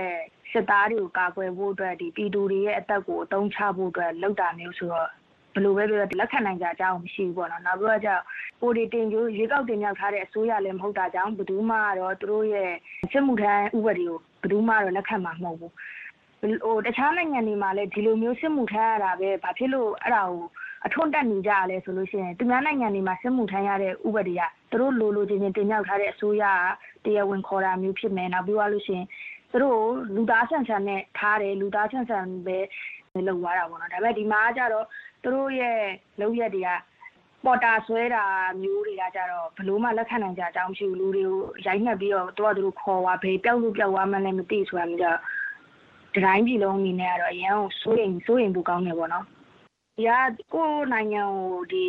ကာကွယ်ပေးနေတဲ့စစ်တပ်ဆိုရင်တော့တမျိုးပေါ့နော်ဒါပေမဲ့အခုကကိုယ်နိုင်ငံကိုကာကွယ်ပေးနေတဲ့စစ်တပ်မဟုတ်ဘဲနဲ့ကိုလူမျိုးကိုပြန်တက်ပြီးတော့ကိုလူမျိုးကိုဖမ်းဆီးပြီးလုပ်တယ်ဆိုတာဘာပဲပြောပြောဒါက လူဖွဲ့စည်းရပဲကြည့်မယ်ဆိုလို့ရှိရင်တော့မှဒါရာဇဝတ်မှုသဘောမျိုးလေနော်လူတွေကိုသူကသူတို့ကြိုက်တယ်လို့မျိုးလုပ်သူကသူတို့ကြိုက်တယ်လို့မျိုးဖမ်းဆီးပြီးသူတို့ကြိုက်တဲ့ဥပဒေသူကသူတို့ထုတ်နေရဆိုတာဒါရာဇဝတ်မှုရောက်နေပြီပြည်သူတွေကြားကန့်ကွက်မှုတွေဘယ်လိုပဲရှိရှိစစ်ကောင်စီကတော့လာမယ့်ဧပြီလထဲမှာပထမဆုံးအကြိမ်အမှတ်စဉ်1အနေနဲ့အမျိုးသားအယောက်9000ခေါ်ယူမှာဖြစ်ပြီးအမျိုးသမီးတွေကိုတော့လက်တလောခေါ်ယူအောင်မှာမဟုတ်ဘူးလို့ပြောဆိုထားပါတယ်။ ဒီလိုတရားဝင်ခေါ်ယူမှုတွေမစတင်ခင်ကတည်းကရန်ကုန်အပါအဝင်ဒေသတချို့မှာလူငယ်တွေအတရားဓမ္မခေါ်ဆောင်ခံရတာပေါ်ရာဆွဲခံရတာတွေရှိတယ်ဆိုတော့တိကျအတိမပြုနိုင်တဲ့သတင်းတွေလည်းထွက်လာနေပါတယ်။မဆုမေဇော်ရဲ့တငယ်ချင်းတစ်ယောက်ကတော့ပြီးခဲ့တဲ့ရက်ပိုင်းကပဲအပြင်မှာသွာလာနေရင်စစ်သားတွေကဟန်ကြားခေါ်ဆောင်တာခံခဲ့ရပြီးငွေပေးပြီးတော့မှပြန်လည်လွတ်လာခဲ့တယ်လို့မဆုမေဇော်ကပြောပြပါဗျ။ ပြီးခဲ့တဲ့ဆယ်ရက်လောက်ကမှတငယ်ချင်းတရားအပြင်သွားရင်းနဲ့စစ်ကောင်စီတပ်သားတွေရဲ့စစ်သားခံရတယ်။အဖုန်းထဲမှာနိုင်ငံရေးနဲ့ပတ်သက်တဲ့သတင်းတစ်ခု share ထားလို့ဆိုပြီးစကားမှတညာအိတ်ခိုင်းနေ။နောက်နေ့မနေ့ကျတော့မှမိဘတွေဆိုဆက်သွယ်ပြီးပတ်စံဘလောက်နဲ့လာပြီးပါဆိုပြီးပြောတာကြုံခဲ့ဝင်ရှိ။ပေါ်တာဆိုတဲ့တရားရန်ကုန်မှာပူဆိုးနေရလို့ထင်တယ်။နေဘက်ကလူတွေကရန်ကုန်ကိုစစ်ပြီးရှောင်ရင်အလုပ်လောက်တဲ့သူတွေရှိတယ်။တကယ်လို့သူတို့နဲ့အပြင်မှာထိတ်တိုက်တွေ့ယူဆိုလို့ရှိရင်ပုံနေစစ်တဲ့မှပုံတင်နေစစ်တဲ့ အဲ့ထဲမှာမှစကိုင်းလို့မကူဘက်ကလူပါလာလို့ရှိရင်အပြစ်တစ်ခုမဟုတ်တစ်ခုရအောင်ရှာတယ်ရှာပြီးလို့ရှိရင်ဖမ်းတယ်ဖမ်းပြီးလို့ရှိရင်အိမ်ကြီးဖုန်းဆက်တယ်ပတ်စံဘလောက်နဲ့လာပြီးပါဆိုပြီးပြောတယ်အဲ့လိုမျိုးလည်းပတ်ဝန်းကျင်မှာခဏခဏကြုံရပါတယ်အာနာစတိုင်လိုက်ပါပြီဆိုရင်မြန်မာနိုင်ငံဘယ်နေရာမှလုံခြုံမှုရှိတော့ဘူးလို့ခံစားရတာတော့အမှန်ပဲရှင်အခုလိုအခြေအနေတွေကြားလုံခြုံမှုဆိုတာကိုမခံစားရတာကတော့အာနာသိမ့်ပြီးချိန်ကတည်းကပါပဲလို့လည်းလူငယ်တွေကပြောပါတယ်။ အခုချက်ပြီးမဖြစ်မနေစစ်မှုထမ်းရမယ့်အခြေအနေစိုက်လာတဲ့အခါမှာလူငယ်တွေအတော်များများပြည်ပနိုင်ငံတွေကိုထွက်ခွာဖို့အတွက်ကြိုးစားလာကြပါတယ်။မိဘတွေအတွက်လည်းသူတို့ရဲ့သားသမီးတွေကိုပြည်တွင်းမှာဆက်ထားဖို့ထက်ပြည်ပနိုင်ငံတစ်ခုကိုအမြန်ဆုံးပို့ဖို့အတွက်ပြင်ဆင်လာရတယ်လို့မအေးလေးကပြောပါတယ်။အကုန်လုံးတန်းတန်းနေပိတ်ပြီးတော့လေဟိုဟာလမ်းပြောက်ကုန်တာပေါ့နော်အခုထွက်သွားတဲ့ကလေးဆိုလဲဟိုဘက်မှာ ဟိုနိုင်ငံအဲ့တဲ့သဘောမျိုးဖြစ်တာပေါ့နော်အခုဆိုကျမတို့လည်းသားကိုလွတ်မယ်လွတ်ပေမဲ့ဒီဘက်မှာသူ့ကိုကျမတို့ဘယ်လောက်ထိ supporting လုပ်နိုင်တယ်လဲကျမတို့မသိဘူးပေါ့နော်ဒီကြားထဲမှာကျမတို့နိုင်ငံရဲ့အခြေအနေက တစ်ခုခုအဆက်အသွယ်များပြတ်သွားခဲ့ရင်ဆိုတော့အတွေ့ရလဲကျမတို့တော်တော်ဖြီးပြီး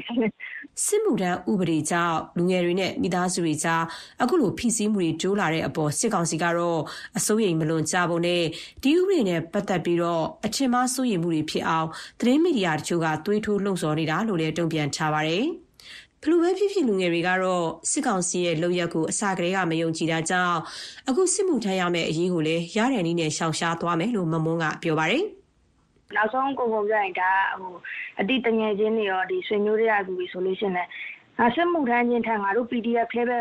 ဝင်လိုက်တော့မှာပေါ့ဒီလိုမျိုးစစ်မှုထမ်းရမယ်တူတူဒီလိုမျိုးအပင်ပန်းခံရမယ်တူတူ သူတို့သူတို့တွေတော့မဝင်ဘူး PDF ထဲဖို့ဝင်မယ်တောထဲပဲဝင်မယ်တခြားဖွဲ့စည်းနေပူပေါင်းမယ်ထိုနည်း၎င်းပဲအဲ့လိုမျိုးမဖြစ်မနေအဲ့လိုမျိုးဖြစ်လာခဲ့ဆိုရင်တမီးကိုယ်တိုင်လည်းအဲ့လိုမျိုးပဲပေါ့နော်သူတို့နဲ့တော့လုံးဝသူတို့ရဲ့စစ်မှုထမ်းခြင်းတော့ရစစ်မှုထမ်းခြင်းဥပဒေတော့ရှောင်းနိုင်သမျှရအောင်ရှောင်းမယ်မဖြစ်မနေဆိုရင်တော့မှတခြားအဖွဲ့အစည်းတွေကတခြားအဖွဲ့အစည်းတွေမှာပဲစစ်မှုထမ်းမယ်တခြားအဖွဲ့အစည်းတွေမှာပဲဒီလိုမျိုးတိုက်ခိုက်ဖို့အတွက်ပါဝင်မယ်ပေါ့ PDF ပဲဖြစ်ဖြစ်တခြားအဖွဲ့အစည်းတွေပေါ့နော် သူတို့နဲ့တော့လုံးဝတေချာဘောက်ကတော့သူတို့ရဲ့ဒီစစ်မှုထမ်းခြင်းဥပဒေကိုတော့လုံးဝလက်မခံဘူးလက်တလုံးမှာတော့မမုန်းလိုလူငယ်တွေအများပြားရှိနေတာပါ။ ဆီယနာသိမ်းမှုကြောင့်သူတို့ရဲ့ဘဝအိမ်မက်တွေပြိုပြက်ခဲ့ရပြီးအခုချက်ပြီးတော့မဖြစ်မနေစစ်မှုထမ်းရမယ့်ဥပဒေကြောင့်ပိုးပြီးတော့လမ်းပြောင်းတယ်လို့ခံစားလာရတယ်လို့ကျမဆက်သွယ်ပြောပြခဲ့တဲ့လူငယ်တော်များများကပြောဆိုကြတာကိုတင်ပြရင်းနဲ့ပဲဒီသတင်းပန်အမျိုးသမီးကဏ္ဍကိုဒီမှာပဲရန်နာခွင့်ပြုပါရှင်။ကျမခင်ဗျူထွေးပါရှင်။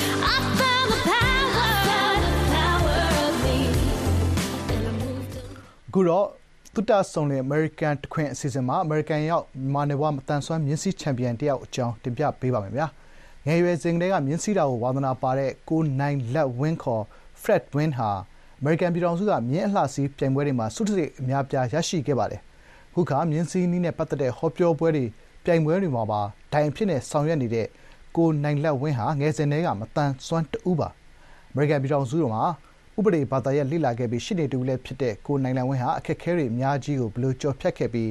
အောင်မြင်တဲ့ မြင်းစီးချန်ပီယံတဦးဖြစ်လာလဲဆိုတာကို ကိုအောင်အောင်က နယူးဂျာစီပြည်နယ်ကို သွားရောက် ရိုက်ကူးတင်ပြထားပါတယ်ခင်ဗျာ။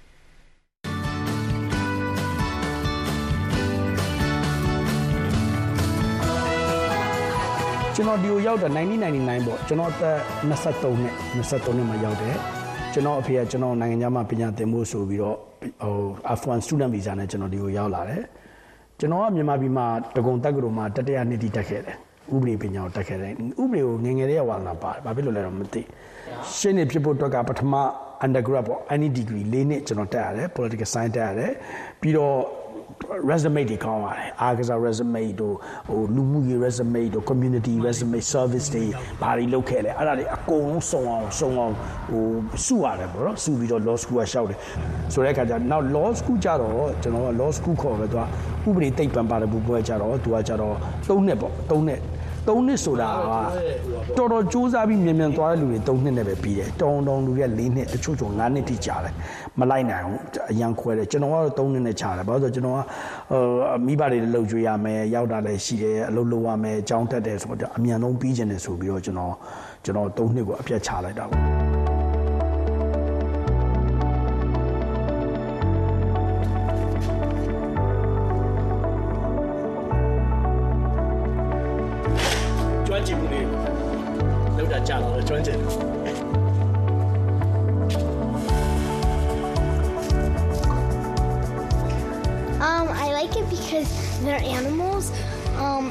and you can ride on them and you can teach them how to do stuff, and they can do tricks, and then you can perform and get places. My sister likes horses. She's scared to even sit on the horse, and my brother, he knows how to ride. He just doesn't ride that much. အမေရိကပြန်ရောက်တော့ဘဝတစ်ကစားစားရတဲ့အခါကျတော့ကျွန်တော်ကပညာသင်နေတာနဲ့မိဘကိုလှုပ်ကြွေးရတာနဲ့အမေကလည်းနေမကောင်းတော့ပတ်စံပိုးရတာနဲ့ကျွန်တော်မှပတ်စံတစ်ပြားမှလည်းမရှိဘူးရှာတခါကျွန်တော် ရက်ပေါင်းများစွာကျွန်တော်ထမင်းတစ်နက်ပဲစားခဲ့တာတွေအများကြီးရှိတယ်အဲ့ဒီခါကျတော့ကျွန်တော်ကမြင်းကိုမစီးနိုင်ဘူးဗျအနာလည်းမကတ်နိုင်ဘူးဘာလို့လဲဆိုတော့အရန်စီးကြီးတယ်ဒီနိုင်ငံမှာเนาะအရန်တထေးတွေပဲလုပ်တဲ့အလုပ်ပေါ့เนาะကုန်ကြစည်အရန်များအဲ့ဒီခါကျတော့ကျွန်တော်ကဒီရှင်းနေဖြစ်တော့မှငါစူးစမ်းမယ်ရှင်းနေဖြစ်သွားရင်ငါဝင်ငွေကောင်းကောင်းရရင်ငါမြင်းကိုပြန်စီးမယ်ဆိုတော့ကျွန်တော်ရှင်းနေဖြစ်ပြီးနှစ်နှစ်ပေါ့ပထမတစ်နှစ်မှာကျွန်တော်ရှင်းနေရဲ့အာဒီဒီကျွန်တော် loss ကျွန်တော်ပညာရေးရဲ့အကျွေးရဒေါ်လာ3သိန်းပေါ့အကျွေးတက်တယ် Welcome to Marlboro ပေါ့။ရိုက်ခါပထမတစ်နှစ်အတွင်းမှာကျွန်တော်8ဒေါ်လာ3သိန်းကိုတစ်ခါလေးဆိုင်တယ်။တစ်ခါလေးကျွန်တော် base အကျွေးကိုချက်ချင်း sub လိုက်တယ်။ကျွန်တော်ဘာလို့ဆိုတော့ကျွန်တော်အကျွေးမရှိအကျွေးရှိတဲ့လူသားမျိုးတွေမှာကျွန်တော်မပါခြင်းဘူး။ဆိုတော့ကျွန်တော်အဲ့အကျွေး3သိန်းကိုကျွန်တော် set လိုက်တယ်။ဒုတိယနှစ်ကျတော့ကျွန်တော်ပတ်စံစဆူတယ်။စဆူတဲ့အချိန်မှာကျွန်တော်စုပြီးတော့ကျွန်တော်မြင်းပြန်စီးမယ်ဆိုပြီးကျွန်တော်အဲ့မှာမြင်းမှာသွားပြီးတော့ပြန် join လုပ်တယ်ပေါ့မြင်း club မှာ။လက်ဆောင်ပေးတာ Spain သွားတော့ ဒါကျွန်တော် Spanish ရဲ့မြင်းရိုးရာမှာသူကအလှဆင်တဲ့ဥစ္စာပါဗျာ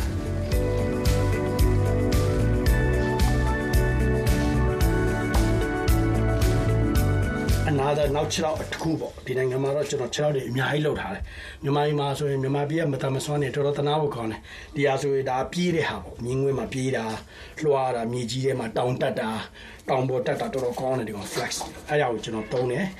တရားကြတော့ကျွန်တော်ရိုးရိုးလမ်းလျှောက်တဲ့နေရာမှာယုံနေပါသွားတဲ့နေရာမှာကျွန်တော်သုံးတယ်ဒါကမြင်းခွေးမှာကျွန်တော်သုံးတယ်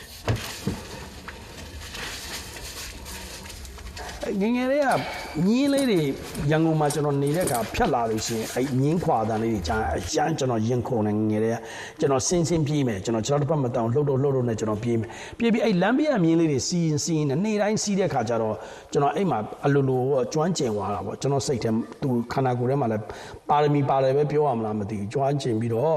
ကျွန်တော်16ဟို10တန်းအောင်တဲ့ခါကျတော့ကျွန်တော်အဖေကကျွန်တော်မေးတယ်ဘာလို့ခြင်းလဲရှိတဲ့ခါကျတော့ကျွန်တော်မေးတော့ကျွန်တော်ကမြင်းဝယ်ပေးလို့ပြောတာပေါ့ပြောတဲ့ခါကျတော့ကျွန်တော်အဖေက shock ဖြစ်သွားတယ်ကျွန်တော်ကျွန်တော်တစ်ပတ်မတန်တော့သူကခက်ရှင်းမတိတ်မလုပ်ပေးချင်ဘူးစိတ်ပူတာပေါ့ဗျာမိဘဆိုတော့အဲ့နဲ့ကျွန်တော် riding ဟိုရန်ကုန်မြင်းစီအတင်းမှာကျွန်တော် member ဝင်ပေးမယ်ဆိုပြီးရန်ကုန်မြင်းစီအတင်းမှာကျွန်တော် member ဝင်ပေးလိုက်ကျွန်တော်ရန်ကုန်မြင်းစီးတီရောက်သွားတဲ့ခါကျတော့ကျွန်တော်အဲ့မှာနီးပြဆရာပေါ့နော်နီးနီးစနစ်မူပေါ့ဆရာဦးငင်းကျော်က ကျွန်တော်တေချာပြန်ပြီးတော့မိုးမှန်တင်လန်းပေးတယ်ဘာလို့လဲဆိုတော့ကျွန်တော်ကခက်ရှင်းပြောရင်လမ်းမေးမှာအကျန်းစီးလာတယ်လို့ဆိုမြင်းကိုပြုံးတိုင်းစီးနိုင်တယ်ဒါပေမဲ့ဟိုမှာကျတော့နီးနဲ့စနစ်နဲ့ English ပုံစံနဲ့ထိုင်နာကရခဏ smart ချချစီးဖို့ကျတော့မတူဘူးလေစနစ်တွေကမတူတဲ့ခါကျတော့ကျွန်တော်ဆရာဦးငင်းကျော်တင်ပေးတယ်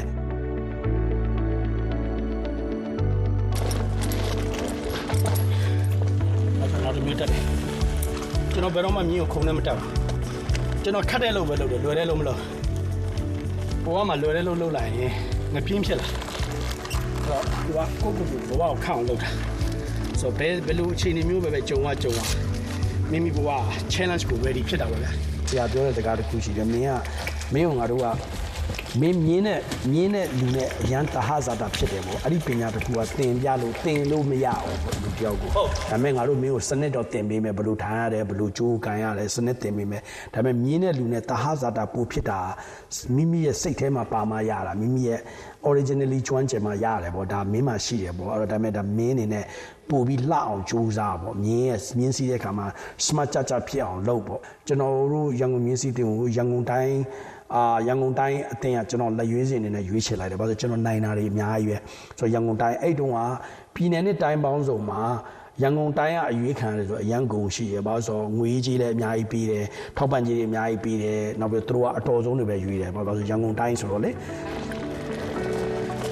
ဆိုကျွန်တော်ချင်းင်းဝင်မတုံးတော့ဘူးမတုံးတော့ပဲနဲ့ကျွန်တော်ကဒီဟာကိုပဲနည်းနည်းဆွတ်ထားတဲ့သဘောလေးပဲပေါ့ဟိုတကယ်ပြုတ်ကြမယ်ဆိုတော့ကျွန်တော်ပြုတ်ကြသွားနိုင်တယ် ဒါပေမဲ့နည်းနည်းလေးကိုယ်နည်းနည်းလေးထိမ့်မိတာတဲ့ဘောတကယ်ဖြစ်လာပြီဆိုတော့ slide ဖြစ်ပြီးကျွန်တော်ပြုတ်ကြနိုင်တယ်ချင်းင်းဝင်လိုမျိုးအားကိုးလို့တော့မရဘူးဒါကျွန်တော်တက်ဒီဟာအားကြတော့ခြေထောက်နဲ့ထိတဲ့အခါဘယ်လိုရွှေ့ရလဲ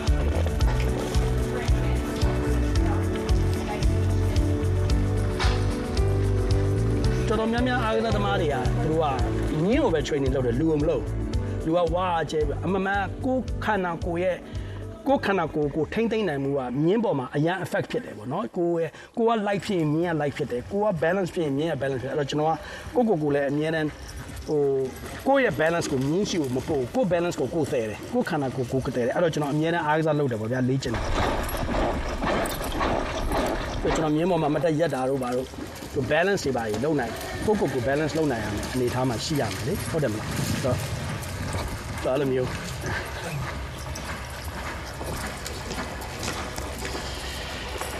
သမီးကလည်းကျွန်တော်ဘာပဲလှုပ်လှုပ်လက်ခံတဲ့ဟာမျိုးဖြစ်ရမြင်းပေါ်မှာအတက်ဆင်းရစကိုကမြင်းကမလှုပ်သွားရဘူးကိုလှုပ်မယ်ဆိုရင်ပြန်တက်နိုင်တဲ့အနေထားအနေထားဖြစ်ရအဲ့လိုတော်တော်အားစားသမားတွေကမြင်းကိုပဲ training လုပ်တယ်လူမလုပ်ဘူးကျွန်တော်ကလူကိုလည်းလုပ်တယ်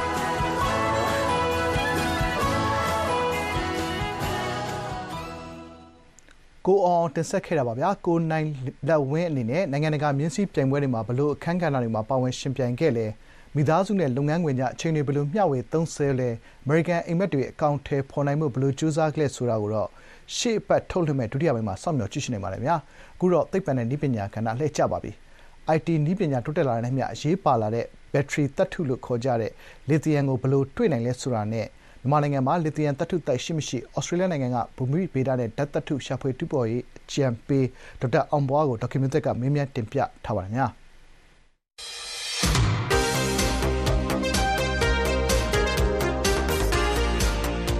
ကဘာပေါ်မှာဆိုလို့ရှိရင်လစ်သီယမ်ကိုလူတွေကအထူးစိတ်ဝင်စားနေကြပါတယ်ဆရာ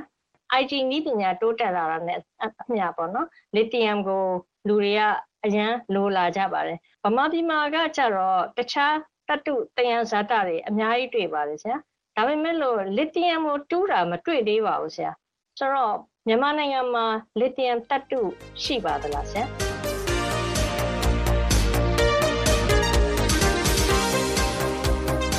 မြန်မာပြည်မှာလစ်သီယမ်တတ္တုရှိပါတယ်ကျွန်တော်တို့ဒီအမျိုးအစားသုံးမျိုးတည်းတစ်မျိုးဖြစ်တဲ့ pegmatite lithium deposit မြန်မာပြည်မှာရှိပါတယ်တွေ့ထားတာ deposit တော့မဟုတ်ပေါ့ lithium mineral တွေကိုတွေ့ထားပါတယ် pegmatite နဲ့တွဲပြီးတော့တနင်္လာရီ granite တွေနဲ့တွဲပြီးတော့တွေ့ထားပါတယ်မြန်မာနိုင်ငံမှာလည်းကြောက်အမျိုးအစားတွေစုံပါတယ်ဆရာဘယ်လိုမျိုးကြောက်အမျိုးအစားတွေနဲ့ lithium တွဲပြီးတော့တွေ့နိုင်ပါလဲဆရာကမ္ဘာပေါ်မှာ lithium deposit ၃မျိုးရှိပါတယ်။တစ်မျိုးကတော့ဘာလဲဆိုရင် brine deposit လို့ခေါ်တဲ့စမ်းငံရည်နဲ့တွဲနေတဲ့ lithium deposit ပါ။ သူကတော့ ကမ္ဘာပေါ်မှာအများဆုံးထုတ်ပါတယ်။နောက်ဒုတိယအမျိုးအစားက pegmatite နဲ့တွဲနေတဲ့ lithium deposit ပါ။သူကဒုတိယအများဆုံးထုတ်ပါတယ်။နောက်တစ်ခုကတော့ sedimentary rock နဲ့တွဲနေတဲ့ lithium deposit ပါ။သူကတော့အခုချိန်ထိစီးပွားပြထုတ်လုပ်တဲ့သတ္တုမိုင်းရလို့ကမ္ဘာပေါ်မှာမရှိသေးပါဘူး။ဒါပေမဲ့လို့တွေ့ထားပါတယ်။ပြီးတော့ပထမ brine deposit ကတော့ကမ္ဘာ lithium resource ရဲ့သုံးပုံတစ်ပုံ66ရာခိုင်နှုန်းလောက်ရှိပါတယ်ဒုတိယဟာတော့30တူ40လောက်ကမ္ဘာ lithium resource ရဲ့သုံးပုံတစ်ပုံလောက်ရှိပါတယ်ဟိုတတိယဟာတော့ round about 8%လောက်ပဲရှိပါတယ် lithium အများဆုံးတွေ့တဲ့ဒီ brine deposit ပေါ့နော်ဆားတွေနဲ့တွဲပြီးတွေ့တဲ့ deposit ဟာမြန်မာနိုင်ငံမှာရှိပါသလားဆရာအဲ့ဒါတော့ big question ပဲကျွန်တော်တို့ဒီ brine deposit ဘလို့ဖြစ်ပေါ်လာလဲသူ့ရဲ့အခြေအနေကဘလို့လဲဆိုတဲ့ဟာအဓိကအပြင်အဲ့ deposit တွေကကျွန်တော်တို့တောင်အမေရိကတိုက်မှာရှိတဲ့ချီလီဘိုလီဗီးယားနောက်ပြီးအာဂျင်တီးနာဒီသုံးဝင်ဆိုင်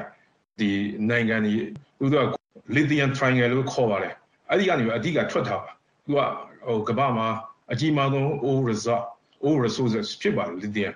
အဲ့တော့သူတို့တွေဘလို့ဖြစ်လာလဲဆိုတဲ့ဟာ condition ကဘာတွေရှိလဲဆိုရင်နံပါတ်1 lithium brine deposit ဖြစ်ဖို့ကကျွန်တော်တို့ arid climate ပူပြင်းခြောက်သွေးတဲ့ရာသီဥတုရှိရမယ်နံပါတ်2ကဒီ close basin ဆိုတဲ့ထွက်ပေါက်မရှိတဲ့ basin lake တွေတို့အင်းတွေတို့ အဲ့လိုကြောက် depression ဖြစ်နေတဲ့အဲ့ဒီမြေနေပိုင်းတွေရှိနေရမယ်နံပါတ်3ကဘာလဲဆိုရင်အဲ့ဒီပတ်ဝန်းကျင်မှာ lithium ကိုပေးနိုင်တဲ့ source ကြောက်တရားရှိနေရမယ်နောက်တစ်ခါအဲ့ညမှာရှိတဲ့ igneous activity hydrothermal activity နောက် volcanic activity အဲ့ဒါမျိုးတွေလည်းရှိနေရမယ်မီးတင်ကြောက်ပေါ့ဟုတ်ကဲ့မီးတင်ကြောက်အဲ့လို condition မျိုးတွေရှိလာနိုင်တယ်ဆိုလို့ရှိရင်အဲ့ lithium deposit ရှိရှိတယ်လို့သူတို့ယူဆတယ်။မြန်မာပြည်ကိုကြည့်မယ်ဆိုရင်ကျွန်တော်တို့ ဒီ lithium brine deposit ကိုဘယ်လို့မှလည်းမလုပ်ဘူးဘယ်လို့မှလည်းမသိကြသေးဘူးမြန်မာပြည်နေလဲဆိုရင်ကျွန်တော်တို့အနေနဲ့ဒီရှိနိုင်မရှိနိုင်ကိုဒီပြည်နိုင်ငံတွေမှာရှိတဲ့ lithium deposit တွေပေါ်မူတည်ပြီးလေးလာကြည့်မယ်ဆိုရင်မြန်မာပြည်အလဲပိုင်းဟာမိုးခေါင်ရေချာအင်မတန်မှဟိုပေါ်6တွေ့တဲ့ပူပြင်းတဲ့ရာသီဥတုရှိတယ်အဲ့ဒီပတ်ဝန်းကျင်မှာကျွန်တော်သိရတော့ဒီရေအိုင်တွေရေဥစ္စာရေကန်ကြီးတွေ close basin သဘောမျိုးတွေရှိတယ်လို့ကျွန်တော်ယူဆတယ် အဲ့ဒီနေရာမှာရေတွင်းတွေတူးတဲ့အခါမှာတချို့နေရာတွေကဆန်းငံရေရှိတယ်ဆိုအငံဓာတ်ပါတဲ့ရေတွေ underground water တွေကိုတွေ့ရတယ်နောက်တစ်ခုက igneous activity hydrothermal activity ကိုကျွန်တော်တို့ဘယ်ညာတွေ့လဲမြန်မာပြည်အလယ်ပိုင်းမှာတောက်လျှောက်ဖြစ်နေတဲ့ volcanic belt ပေါ့လေကျွန်တော်တို့ဒီပုပ်ပါမုံရွာနောက်ပြီးတော့ calling window နောက်ပြီးတော့ကျွန်တော်တို့တောင်ဘက်ကိုသွားရင်မဆိုရင်ကိုရိုးမှအထိဒီမိသိန်းကြောက်တွေကရှိနေတယ် ဒီအခြေအနေကိုကြည်ချင်းအပြင် lithium brine deposit ဟာ possibility ဖြစ်ကောင်းဖြစ်နိုင်တယ်ဒီတော့ဘာလို့ရမလဲဆိုရင်အဲဒီမှာရှိတဲ့မိုးခေါင်ရေချဒေသမှာရှိတဲ့ဒီအနာကောင်ရေတွင်းတွေရေကန်တွေကို lithium content ရှိလားမရှိဘူးလားဒါတွေကိုကျွန်တော်လေ့လာသင်တယ်နောက်တစ်ခုကတချို့ iron နေအင်းနေတဲ့မှာလည်းပဲဒီတိုင်း sediment ရောရေတွေရောဒီ lithium ကိုကျွန်တော်တို့စမ်းသပ်သင်တယ်တချို့နေရာတွေမှာတော့ ဟိုနှစ်ပေါင်းများစွာကြာပြီဖြစ်တဲ့အတွက်ကြောင့်ဒီအင်းတွေလိတ်တွေကအနယ်တွေနဲ့သဲတွေနဲ့အဲ့လိုပြည့်သွားတဲ့ plain ကြီးတွေပေါ့လေအဲ့လိုဟာမျိုးတွေမှာလည်းပဲကျွန်တော်တို့ဒီမြေစီလွာနမူနာတွေယူပြီးတော့မှလီသီယမ်ကိုစမ်းသပ်ခြင်းအပြင်ဒီအလဲပိုင်းမှာ brine deposit ရှိနိုင်မရှိနိုင်ကိုသိနိုင်လိမ့်မယ်လို့ကျွန်တော်ယူဆပါတယ်ဟုတ်ကဲ့ပါဆရာဒီမီးတင်ကြောက်နဲ့အနေချကြောက်တွေမှာတွေ့ရဆိုတော့မြန်မာနိုင်ငံကမီးတင်ကြောက်ကောအနေချကြောက်ကောသူ့နေရာနဲ့သူအများတော်တော်များများရှိပါတယ်ဆရာ ဆိုတော့ဆရာပြောတဲ့ဒုတိယအများဆုံးတွေ့တဲ့ဒီမီတင်ကြောင့်နဲ့တွဲပြီးတော့တွေ့နိုင်တဲ့လစ်တီယမ်မျိုးရောမြန်မာနိုင်ငံမှာဘယ်နေရာတွေမှာရှိနိုင်ပါလဲဆရာ။အော်မီတင်ကြောင့်မှာတော့အဓိကအပြင်ဟိုပကမာတိုက်ကိုခေါ်တဲ့ကြောင်းနဲ့တွဲတွေ့တဲ့လစ်တီယမ် deposit ပါ။ဒါကကမ္ဘာပေါ်မှာဒုတိယအများဆုံးပါပကမာတိုက်ဆိုတော့ granite နဲ့ကျွန်တော် conversation တူရဒါမျိုးလို့သူ့ရမှာပါဝင်တဲ့ကျွန်းထွက်တွေက quest တွေတို့ fespa တွေတို့ mic ကားတွေတို့သူတို့ရ green set ကြီးတယ်မြန်မာပြည်မှာဒီလို ပကမာတိုက်တွေကတော်တော်များများရှိတယ် lepito light ဆိုတဲ့ lithium ကျွန်းထွက်ဟာဒီပကမာတိုက်ထေထဲမှာရှိတယ်ဆိုတဲ့အကြောင်းကိုကျွန်တော်တို့သိခဲ့ရတယ်။များသောအားဖြင့်မိုးကုတ်ပတ်ဝန်းကျင်ရင်းမာပင်နောက်ပြီးပြက်ခွေအိုက်တောင်တွေမှာဒီတော့ပကမာတိုက် deposit တွေရှိနိုင်တာကတော့မြန်မာပြည်ရဲ့တနင်္လာရီကမ်းမြောင်ဒေသကနေပြီးတော့မှမြောက်ဘက်ကိုဆက်ပြီးတော့သွားမယ်ဆိုရင်ကျွန်တော်စစ်တောင်းမြစ်တစ်လျှောက်နောက်ပြီးတော့တောင်ကူတို့ရမဲသိမ်းပြင်းမနာပျော်ပွဲညောသားစီကျွန်တော်ကြောက်စဲမန္တလေးနောက်မိုးကုတ် မိုးမေအဲ့လောက်ထိကျွန်တော်တို့ဒီ granite တန်းကြီးရှိပါတယ်ဒါစင်စ granite ပက်ပါအဲ့ဒီ granite ထဲမှာ pek မှာတိုက်နေတွဲနေတာတွေကိုရှိတွေ့ရတယ်အသေးစိတ်လေးလာမှုတွေကိုကြည့်မယ်ဆိုရင်အဲတင်းတန်စင် deposit တွေရဲ့ကိုအောင်မှုပါဒီ granite တွေထဲမှာရော quartz vein တွေမှာရော pegmatite တွေထဲမှာရောကိုအောင်နေတာကိုတွေ့ရတယ်အဲ့တောက်လျှောက်ကကျွန်တော်တို့ pegmatite ကြောက်တွေဟာ ဒီ granite တွေမှာတိုးဝင်တာတွေနောက်ပြီး metal sediment လို့ခေါ်တဲ့အနီးနားက sediment ကြောက်တွေတွေကိုတိုးဝင်တာတွေကအဲ့တောက်လျှောက်မှာရှိပါတယ်ထို့အတူပဲမြန်မာပြည်ရဲ့အရှိဘက်မှာကျွန်တော်တို့ unknown ပေါ့သိတော့မသိသေးဘူးအဲ့မှာအရှိဘက် granite ဘက်ဒီတစ်ခုရှိတယ်အဲ့မှာဆိုရင်ဝါနယ်တွေမှာတင်းတန်စင်တွေ့တာကြည့်ချင်းအပြင်အဲ့ဒီဘက်မှာလည်းပဲကျွန်တော်တို့ဒီ pegma type ဓာတ်တွေ pegma type ကြောက်တွေရှိနိုင်လိမ့်မယ်လို့ကျွန်တော်နေယူဆပါတယ်အသေးစိတ်လေ့လာပြီးတော့မှဒီ lithium ပါမပါကျွန်တော်တို့ရှာဖွေလေ့လာသိပါတယ် ဟုတ်ကဲ့ပါဆရာနောက်တတိယအမျိုးအစားပေါ့နော်အနေကျကြောက်နေလဲတွဲတာရောဆရာအနေကျကြောက်ကတော့အဓိကအပြင်ကလေးထဲမှာတွေ့ထားပါတယ်စမတိုက်လို့ခေါ်တဲ့ clay mineral ထဲမှာတွေ့ထားတယ်နောက်တစ်ခုက elite လို့ဆိုတဲ့အားထဲမှာလည်းတွေ့ထားတယ်သူကတော့အခုလုံးလုံးစေတော့တွေ့တာပဲရှိသေးတယ်ထုတ်လုပ်မှုကမရှိသေးပါဘူးဟုတ်ကဲ့ပါအဲ့တော့မြန်မာနိုင်ငံကလစ်သီယမ်တွေ့နိုင်တဲ့အလားအလာရှိတယ်ပေါ့နော်ဆရာတွေ့ရှိနိုင်လိမ့်မယ်လို့ကျွန်တော်နေယုံကြည်ပါတယ် ဒါကြီးတနင်္လာရီကမ်းမြောင်ဒေသတောက်လျှောက်ပေါ့အဲ့ဒီမြန်မာပြည်ရဲ့ရှေ့ဘက်အဲ့ညာတွေမှာပကမတိုက် deposit တွေကိုရှာဖွေရင်တွေ့လိမ့်မယ်လို့ကျွန်တော်ယုံကြည်ပါတယ်ဒေါက်တာဦးအောင်ဘွားရဲ့ပြောကြားချက်နဲ့ပဲဒီသတင်းဖတ်တဲ့သိပ္ပံနဲ့နည်းပညာကဏ္ဍကိုဒီမှာပဲညနာလိုက်ပါရစေနောက်တစ်ပတ်မှာပြန်ပြီးဆုံရအောင် ဒေါခင်မျိုးသက်တင်ဆက်ခဲ့တာပါဗျာအခုအစီအစဉ်တွေနောက်ဆုံးရမြန်မာနဲ့ကမ္ဘာသတင်းတွေသုံးသက်ချက်တွေနဲ့ရုပ်သံဗီဒီယိုတွေကို burmese.voanews.com နဲ့ VOA Burmese Facebook YouTube စာမျက်နှာတွေမှာအချိန်မရွေးပြန်လည်ကြည့်ရှုနားဆင်နိုင်ပါတယ်ဗျာအခုတော့ကျန်နေတဲ့အချိန်အတွင်းမှာသတင်းချင်းချုပ်ကိုကျွန်တော်ကပဲဆက်ပြီးတင်ပြပေးပါမယ်ဗျာ2024ခုနှစ်အတွက်နိုင်ငံတကာအမျိုးသမီးသတ္တိရှင်ဆုရစင်းကိုအမေရိကန်နိုင်ငံသားရေးဝန်ကြီးဌာနကမတ်လ၁ရက်နေ့မှာကြီးညာလိုက်ပြီး မြန်မာအမျိုးသမီးဒေါ်မြင့်စုဝင်းလည်းဆုရစင်းထဲမှာပါဝင်ပါတယ်။ဒေါ်မြင့်စုဝင်းဟာရာဇဝတ်မှုဆိုင်ရာရှင်းနေဖြစ်ပြီးတော့အကူအညီလိုအပ်နေတဲ့မြန်မာပြည်သူတွေအထူးသဖြင့်အမျိုးသမီးတွေကလေးငယ်တွေတိုင်းရင်းသားတွေမတန်ဆွမ်းသူတွေနဲ့လိင်စိတ်ကွဲပြားသူတွေကိုတရားရေးပိုင်းမှာကူညီပေးနေသူဖြစ်ကြောင်းထုတ်ပြန်ချက်မှာဖော်ပြထားပါတယ်ပြည်သူတွေရဲ့အခြေခံရပိုင်ခွင့်တွေကိုအကာအကွယ်ပေးပြီးမျှတတဲ့တရားစီရင်မှုရနိုင်အောင်ကူညီပေးနေသူအဖြစ်လည်းဖော်ပြထားပါတယ်။ သူဟာ နိုင်ငံတကာ ဥပဒေဖွံ့ဖြိုးရေးအဖွဲ့အစည်း IDLO မှာ ဥပဒေအကြံပေးအဖြစ် တာဝန်ထမ်းဆောင်ခဲ့ဖူးပြီး အခမဲ့ရှေ့နေလိုက်ပေးတာ အပါအဝင် ပြည်သူ အယောက် ၅၀၀ ကျော်အတွက် တရားရေးပိုင်းမှာ ကိုယ်တိုင် ကူညီပေးထားတယ်လို့လည်း ဖော်ပြထားပါတယ်။နိုင်ငံတကာ သတင်းတွေမှာတော့ ဂါဇာမှာ အစ္စရေးတပ်တွေ ပစ်ခတ်လို့ စာနာမှု အကူအညီတွေ ယူဖို့ ကြိုးစားတဲ့ ပါလက်စတိုင်း အယောက် ၁၁၂ ယောက် သေဆုံးခဲ့ရပြီး နောက်တနေ့ သောကြာနေ့မှာတော့ ဒီဖြစ်ရပ်ကို စုံစမ်းစစ်ဆေးဖို့ နိုင်ငံတကာက တောင်းဆိုမှုတွေ တိုးမြင့်လာနေပါတယ်။ ဖြစ်ရပ်ရဲ့အကြောင်းရင်းမှန်ကိုနားလည်ဖို့နဲ့ဒီဖြစ်ရပ်အတွက်ဘယ်သူ့မှာတာဝန်ရှိတယ်ဆိုတာသိဖို့အတွက်ထိရောက်တဲ့သီးခြားလွတ်လပ်တဲ့စုံစမ်းစစ်ဆေးမှုတွေလိုအပ်တယ်လို့ကုလသမဂ္ဂအတွင်းရေးမှူးချုပ်အန်တိုနီယိုဂူတာရက်စ်ကပြောပါတယ်။အမေရိကန်သမ္မတအိမ်ဖြူတော်ပြောခွင့်ရကလည်းဒီဖြစ်ရပ်အတွက်သေသေချာချာစုံစမ်းစစ်ဆေးဖို့လိုအပ်တယ်လို့ပြောပါတယ်။တခါယူကရိန်းကိုနယ်သာလန်ကဒီနှစ်ထဲစစ်ရေးအကူအညီ၂.၂မီလီယံပေးမယ့်လုံခြုံရေးဆိုင်ရာသဘောတူညီချက်တရပ်ကိုသောကြာနေ့မှာနယ်သာလန်ဝန်ကြီးချုပ်မာ့ခ်ရူတာနဲ့ လက်မှတ်ရေးထိုးခဲ့တယ်လို့ ယူကရိန်းသမ္မတ ဗလိုဒီမီယာဇလန်းစကီးက ကြေညာပါတယ်။သဘောတူညီချက်ထဲမှာ ဒီနှစ်အတွင်း ယူရိုငွေ သန်း ၂,၀၀၀ ပေးအပ်မှာဖြစ်သလို လာမယ့် ၁၀ နှစ်အတွင်း ကာကွယ်ရေးဆိုင်ရာ အထောက်အကူတွေပေးဖို့ ပါဝင်ပါတယ်။တခါ ရုရှားကျူးကျော်မှုကို တန်ပြန်တိုက်ခိုက်နေရတဲ့ ယူကရိန်းအတွက် ကာကွယ်ရေးဆိုင်ရာ ထောက်ပံ့မှု ဆက်ပေးရေးမှာ စိန်ခေါ်မှုတွေနဲ့ ကြုံနေရချိန်မှာပဲ အမေရိကန်သမ္မတ ဂျိုးဘိုင်ဒန်က အီတလီဝန်ကြီးချုပ် ဂျော်ဂျီယာ မယ်လိုနီကို အိမ်ဖြူတော်မှာ လက်ခံ တွေ့ဆုံဆွေးနွေးခဲ့ပါတယ်။ G7 စက်မှုထိပ်သီး ၇ နိုင်ငံရဲ့ အလှည့်ကျ ဥက္ကဋ္ဌ တာဝန်ယူနေတဲ့ အီတလီဝန်ကြီးချုပ်နဲ့ သမ္မတ ဘိုင်ဒန်တို့ဟာ အပြည်ပြည်ဆိုင်ရာစနစ်နဲ့ နိုင်ငံစုံပါဝင်ရေးတွေကို ကာကွယ်ဖို့ ဦးစားပေးဆွေးနွေးမှာ ဖြစ်ပါတယ်။ဒီလို ကာကွယ်နိုင်ဖို့ ယူကရိန်းကို ထောက်ပံ့ရေးက အဓိကကျကြောင်း ခေါင်းဆောင် နှစ်ဦးလုံးက လက်ခံထားပါတယ်။သတင်းအကျဉ်းချုပ်တွေကတော့ ဒီလောက်ပါပဲခင်ဗျာ။အခုမနက်ခင်းအစီအစဉ် ထုတ်လွှင့်မှုကကိုဉာဏ်ဝင်းအောင် ဖြစ်ပါတယ်။ရုပ်သံဒါရိုက်တာကတော့ James Smith ဖြစ်ပါတယ်ဗျာ။ဒီကနေ့မနက် အစီအစဉ်တွေကို ရေဒီယိုပြင် VOA website YouTube Facebook စာမျက်နှာတွေကနေ ကြည့်ရှုနားဆင်ကြတဲ့ပရိသတ်တွေအားလုံးကျေးဇူးအများကြီးတင်ပါတယ်ဗျာ VOA American တန်ရဲ့မနက်ပိုင်းအစီအစဉ်တွေကိုဒီမှာပဲအဆုံးသတ်ပါရစီခင်ဗျာသောတာရှင်တွေနဲ့တကွမြန်မာပြည်သူပြည်သားအားလုံးဘေးရန်ရကင်းသောကခတ်သိမ်းရှင်းချင်းကြပါစေခင်ဗျာကျွန်တော်ကတော့ငြိမ်းချမ်းရေးပါခင်ဗျာ